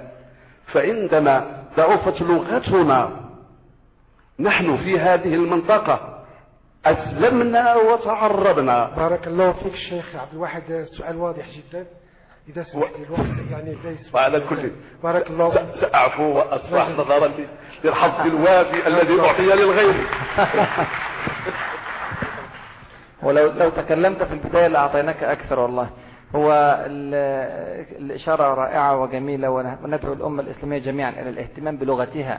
العربية ومحاولات التغريب والاعتزاز ببعض اللغات الأخرى هذا الشيء لابد أن يعني يتغير وتعود الأمة إلى أصولها إلى لغة القرآن وإلى لغة السنة المطهرة وكفى بها نعمة يذكر أو أن ينزل ربنا عز وجل القرآن الكريم بلغة آه، معينة هي لغتنا هي لغتنا فنسأل الله عز وجل أن يمكننا من هذه اللغة وأن آه، يجعلنا نعتز بها ونفهم معانيها وتفتح لنا بها إن شاء الله كنوز هائلة في القرآن والسنة جزاكم الله خيرا كثيرا الأستاذ برباب بسم الله الرحمن الرحيم جزا الله عنا علماءنا وباحثينا خير الجزاء والله من خلال هذه آه، يعني التداخلات هذا الصباح تبين لنا جليا أن القرآن الكريم نموذج فريد فعلا بتكلمه عن عدة محاور يعني بإعجاز كبير جدا يعني القرآن يتكلم عن علم البيولوجيا وعلم الجيولوجيا وعلم الفلك وعن آه، يعني محاور في, في, في الأدبيات وعن القانون وعن كل هذا ويتكلم بإعجاز يعني يجدنا نحن ونحن نناقشه في كل محوره يعني أن لدينا في كل محور ولكل فئة من الفئات العاملة داخل هذا الميدان نقط كبيرة جدا قابلة أولا لإثبات نفس الميدان هذه نقطة أولى ثانيا للوقوف على نقط لا بد لها من أن تتطور مع المستقبل هذا أظن بأنه من أهم خصوصيات القرآن الكريم والتي لا يمكن أن نجدها في أي كتاب معاصر يعني كتاب هذه خصوصيات القرآن فيل ما يسموه الفرنسيون المسلمون أو بعض الباحثين الفرنسيين لو ستيل فقط فريق غير متكرر بارك الله فيك مهمة جدا يعني في هذا السياق آه، وبحضور آه، آه، علمائنا الأجلاء أتساءل عن الدراسات المستقبلية ما موقعها في هذا الكشكول وجزاكم الله خيرا شكرا جزاكم الله خيرا هو باب الإعجاز التاريخي احنا النهاردة محاضرة وأنا سعيد جدا بالثراء في المناقشة وفي التداخل لأن ده كله بيكون في النهاية بدايات العلم أو يعني بيفتح لنا أبواب كثيرة إذا كنا بنقول القرآن الكريم تلته تاريخ 2000 آية بتتكلم في التاريخ فيعني احنا ما زلنا نبحث في بدايات الأمر ومن أروع ما قلته سيادتكم آه، أن أن القرآن فيه تطور يعني في العلوم مستقبلي يعني يبحث لنا مجالات مستقبلية احنا في النهارده في اللقاء فتحنا أكثر من مجال يحتاج إلى بحث ويحتاج إلى دراسة قد نصل بهذا البحث إلى أشياء كثيرة جدا أكثر مما كنا نبحث عنه وهو متجدد دوما وما وكل ما نتحدث فيه هذا هو نتاج القرن العشرين والواحد وعشرين لعل بعد خمسين سنة ومئة سنة تكون قد تفتحت لنا يعني أبواب هائلة من أبواب العلم يبني فيها الآخرون ما يعني نتحدث فيه الآن ولو رجعنا مئة سنة ورا ما كانش مثل هذا المؤتمر ولا هذه المعاني تدور فيه بأي حال من الأحوال كل المؤرخون والمفسرون والذين تحدثوا في القرآن والسنة في العصور التي مضت يعني قبل هذه الثورة العلمية في العالم ما كانوا يتحدثون في هذه الأمور فإذا بنا نقيم المؤتمر والثاني والثالث حول هذا هذه المعاني والله أعلم بالمؤتمرات التي ستقام في القرون القادمة عن أي شيء تتحدث لكنه دائما حجة الله البالغة القرآن الكريم جزاكم الله كل خير شكرا جزيلا المتدخل ما قبل الأخير الدكتور علي عجيل إبراهيم مسك الختام الحمد لله والصلاة والسلام على رسول الله بداية كل الشكر لما أتحفنا به دكتور راغب آه، هناك عدة أسئلة التعريف الدقيق للإعجاز التاريخي ماذا يمكن أن نعرفه سر التشابه بين البتراء و آه، والحجر آه، أيضا تبقى الإشكالية في قوله تعالى وقد تبين لكم من مساكنهم أنها تذكر عاد وثمود كيف نزيل هذه الإشكالية نعم. وشكرا هو أول أول سؤال كان عشان أنا ما ما ركزتش أول سؤال معلش أول سؤال التعريف الدقيق للإعجاز آه التاريخي الإعجاز التاريخي يعني الإعجاز الذي يبحث في القص في القرآن أو قص الموجود في السنة المطهرة بكل ألوانه وهذا يعني الإعجاز التاريخي ليس فقط مقصورا على آه، أحداث القصة لكن في داخل ثنايا القصة في كلمات وفي مواقف ممكن يكون ليها آه، إشارة معينة إشارة آه، زراعية إشارة آه، علمية طبية إشارة فيزيائية كيميائية في داخل القصة آه، الكثير بينظر إلى القصة التاريخية لأنها قصة مجردة تحكي قصة أقوام لكن في داخلها على سبيل المثال أديك بعض الإشارات اللي أنا معرفش المردود بتاعها العلمي إيه لكن ممكن نبحث فيها زي مثلا طلعها وزروع ونخل طلعها هضيم الطلع الهضيم ما هو الطلع الهضيم في هذه الأماكن هل هو يشير إلى معجزة معينة للنخل المعين الذي ينبت في هذه المنطقة يختلف عن غير الله أعلم فمجال بحث يبحث فيه كانوا فكانوا كهشيم المحتضر اشمعنى هشيم المحتضر لماذا هذا التوصيف الدقيق لحالتهم بعد أن تعرضوا للصيحة والصاعقة والرجفة والطاغية وعلى فكرة قوم ثمود هم الوحيدون الذين تعرضوا لمثل هذه التتابعات بهذا التتابع المكثف رجفة و وصيحة وصاعقة وطاغية ودمدمة في آخر سورة في سورة الشمس فهذه يعني هذا كله يدخل في تحت إطار الإعجاز التاريخي إن أنا أجمع التاريخ اللي موجود في القرآن الكريم من قصص القرآن الكريم وابتدي أحلل الكلمات التي جاءت في هذا القصص والمواقف والاكتشافات الأثرية والإشارات القرآنية للقصة واخرج منها بقى بانواع مختلفة من الاعجاز عشان كده انا قلت احنا محتاجين فعلا للعمل في الاعجاز التاريخي فرق عمل اثر الصاعقة كيف يكون على الانسان واثر الـ الـ النحت في الجبل كيف يصير الجبل بعد ان ينحت وكيف يقطع وكيف ينحت وكل ما تظهر يعني لو انا بقول هذه المحاضرة انا عالم اثار لعله يخرج لنا في داخل نفس المحاضرة بإرشادات جديدة أو يعني آيات جديدة زي ما ذكر الدكتور الفرق ما بين المساكن والبيوت وهذا لم نذكره في المحاضرة لكنه يعني يضيف شيئا لعل في المحاضرات القادمة بعد إذن حضرتك ناخذ هذه المعلومة نحطها في داخل في داخل أوجه الإعجاز والتفريق يعني القضية الثانية قضية السؤال الثاني كان كان بيتكلم على البتراء ما نعرف ما نعرف لماذا يتشابه يعني هل النبطيين شاهد طبعا النبطيين جاءوا بعد آه، قوم آه، ثمود النبطيين كانوا أقاموا حضارتهم من 400 قبل الميلاد ل 106 بعد الميلاد عندما أفناهم الرومان فال 500 سنة ديت كانت لحضارة النبطيين هل شاهدوا بيوت ثموديين في شمال الجزيرة العربية فبنوا على غرارها في آه، جنوب الأردن في البتراء الله أعلم يعني ما عندنا ربط بين الاثنين لكن امتد سلطانهم بعد ذلك إلى أن وصل إلى ديار ثمود وبالتالي اتخذوا ديار ثمود آه، قبور لملوكهم ولأمرائهم كان الثالث آخر نعم أنا ذكرت في, في الآية أن تبين لكم كما ذكر القرآن الكريم عدم بقاء هذه البيوت وبقاء هذه البيوت خاوية فهذه خافية وهذه خاوية نعم يعني أي هم, هم يعرفون قصة عاد على فكرة في ال... لكن آه، الآية تتحدث عن بيان هنا. الجاهلية في الجاهلية كانوا يتحدثون عن قصة عاد وعن هلاك قصة عاد هم وصلتهم أخبار قصة عاد وفي كان أحد الإخوة بيسأل على الرباط بين ثمود وعاد وتحدث عنه بطليموس في كتاباته أن آه، عن هذه المنطقة بطليموس القرن السابع قبل الميلاد كان يتحدث على ان آه، آه، اجداد ثمود هم عاد وهو يطابق ما ذكره ربنا عز وجل جعلكم خلفاء من بعد قوم هود من بعد عاد يعني في في القرآن فيتحدث عن هذه العلاقة فهم يدركون وجود هذا القوم قوم آه، عاد وذكروا أيضا موجودين في بعض النصوص الشعراء الجاهلية قبل الإسلام لكن ليست لهم ديار باقية فهذا ال ال ال الوجه والله اعلم وبعض الناس يعني لا يعني بدنا خلينا ما نقولش نعم. حاجات افتراضات يعني بقيت إشارة السيد السيد أحمد السيد حامد قول الحق سبحانه وتعالى فأخذتهم الرجفة فأصبحوا في دارهم فأخذتهم الصيحة فأصبحوا في ديارهم هناك فرق بين الدار والديار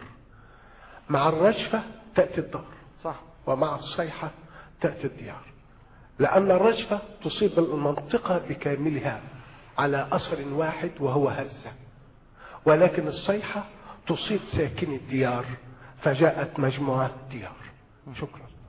أنا تتبعت هذا القول يعني هو مكرر مرتين سورة الأعراف سورة هود مع قوم مدين وقوم آه، مع مدين ومع آه، صالح آه، مع قوم في ثمود وفي المرتين فعلا تأتي الرجفة مع الدار وتأتي الصيحة مع الديار ثم مرة خامسة جاء الذكر في سورة العنكبوت في قصة مدين وجاءت كذلك الدار مع الرجفة برضو قال فأخذتهم الرجفة فأصبحوا في دارهم جاثمين الله أعلم جزاكم الله كل خير نحن نعرف أن القرآن يهتم بالقضايا الكبرى و أن أنه آه، كتاب أوحي ليس لكي يكتب تاريخا للبشرية وإنما وإنما القصص أو القصص آه، التي وردت في القرآن عن الأقوام السابقين للبعثة النبوية وردت في إطار الحجاج العقدي الذي كان يدور في آه، الحجاز في مكة والمدينة بين المسلمين وبين العرب الوثنيين والعرب المسيحي النصارى والجاليات غير العربية التي كانت تأتي هناك للتجارة ويهود المقيمين والوافدين آه، وهذا آه، آه، الحجاج كان يدور حول مسائل كبرى تتعلق بالعقيدة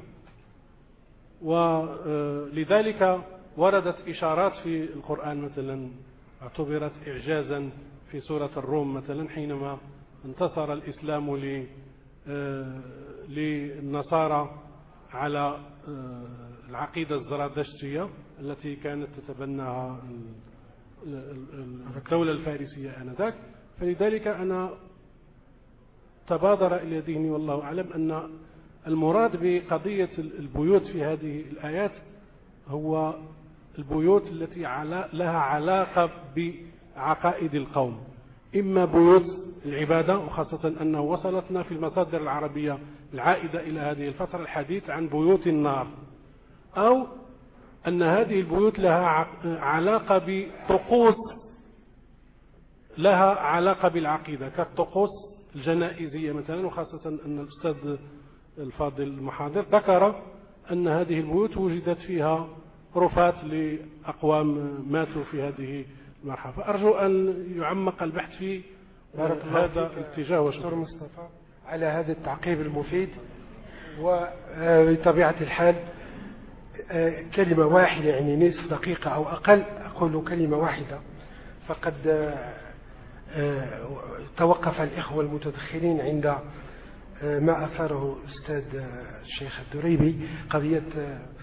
دلالة تسمية القصور كذا إلى آخره في الواقع في القرآن الكريم هناك إشارة إلى بعض الصروح التي كانت في بعض الحواضر في الحجاز وبخاصة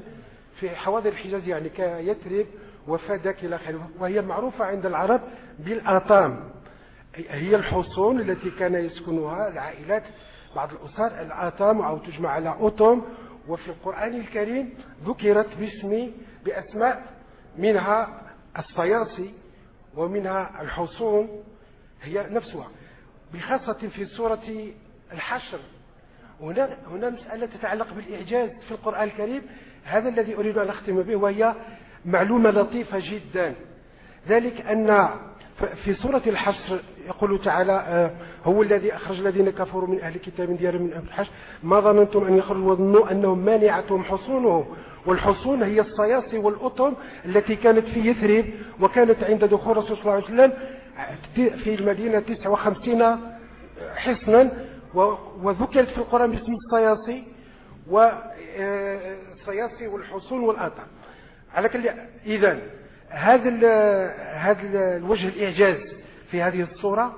هو أن آه، اليهود هنا أشير إليه طبعا الآية تتحدث عن يهود يثريب آه، يعني كانوا عند انهزامهم يقومون بتدمير بيوتهم بأيديهم هكذا يشير القرآن الكريم بنص صريح واللطيف في الأمر أن المؤرخ الشيخ السبعودي في كتابه وفاء الوفاء بخبر المصطفى وقف على آه، مشهد انه هو مؤرخ المدينة ولاحظ وجود آه، سرداب تحت الأرض في آثار المدينة لأنه كان مولع بآثار آه، المدينة فوجد شيئا أسفل أحد الأطام أطام يثرب فوصفه وصفا وهو عبارة عن عمود خشبي ضخم في أسفل هذا وجاء فيما بعد الدكتور حسن هيكل في كتابه في منزل الوحي وأشار إلى معلومة أخرى وهو أن هذا هذا النوع في البناء الذي كانوا يجعلون في الأسس هذه الأعمدة كذا كان الغرض من ذلك هو سر لا يعلمه إلا قلة قليلة من بناة الحصون حصون اليهود لعند الضرورة يحركونها فينهار الصرح عندما ينهزمون إلى آخره هنا لاحظوا الإشارة القرآنية في سورة الحشر آه، يخربون بيوتهم بأيديهم وأيدي المؤمنين فما أكثر هذا هذا الشبه وهذا آه، به آه، وختاما يعني أعلن عن انتهاء هذه الجلسة المباركة ومعذرة لبعض المتدخلين وهم كثر وهم كثر وليس لأنا تلقيت عدة إشارات من الإخوة المسؤولين على التنظيم فليست بيدي حيلة ما بيدي حيلة لكي أفسح للإخوة أكثر من هذا فمعذرة مرة أخرى وجزاء جزا الله شيخنا على هذا العلم الغزير وهذا المنهج العلمي الرصين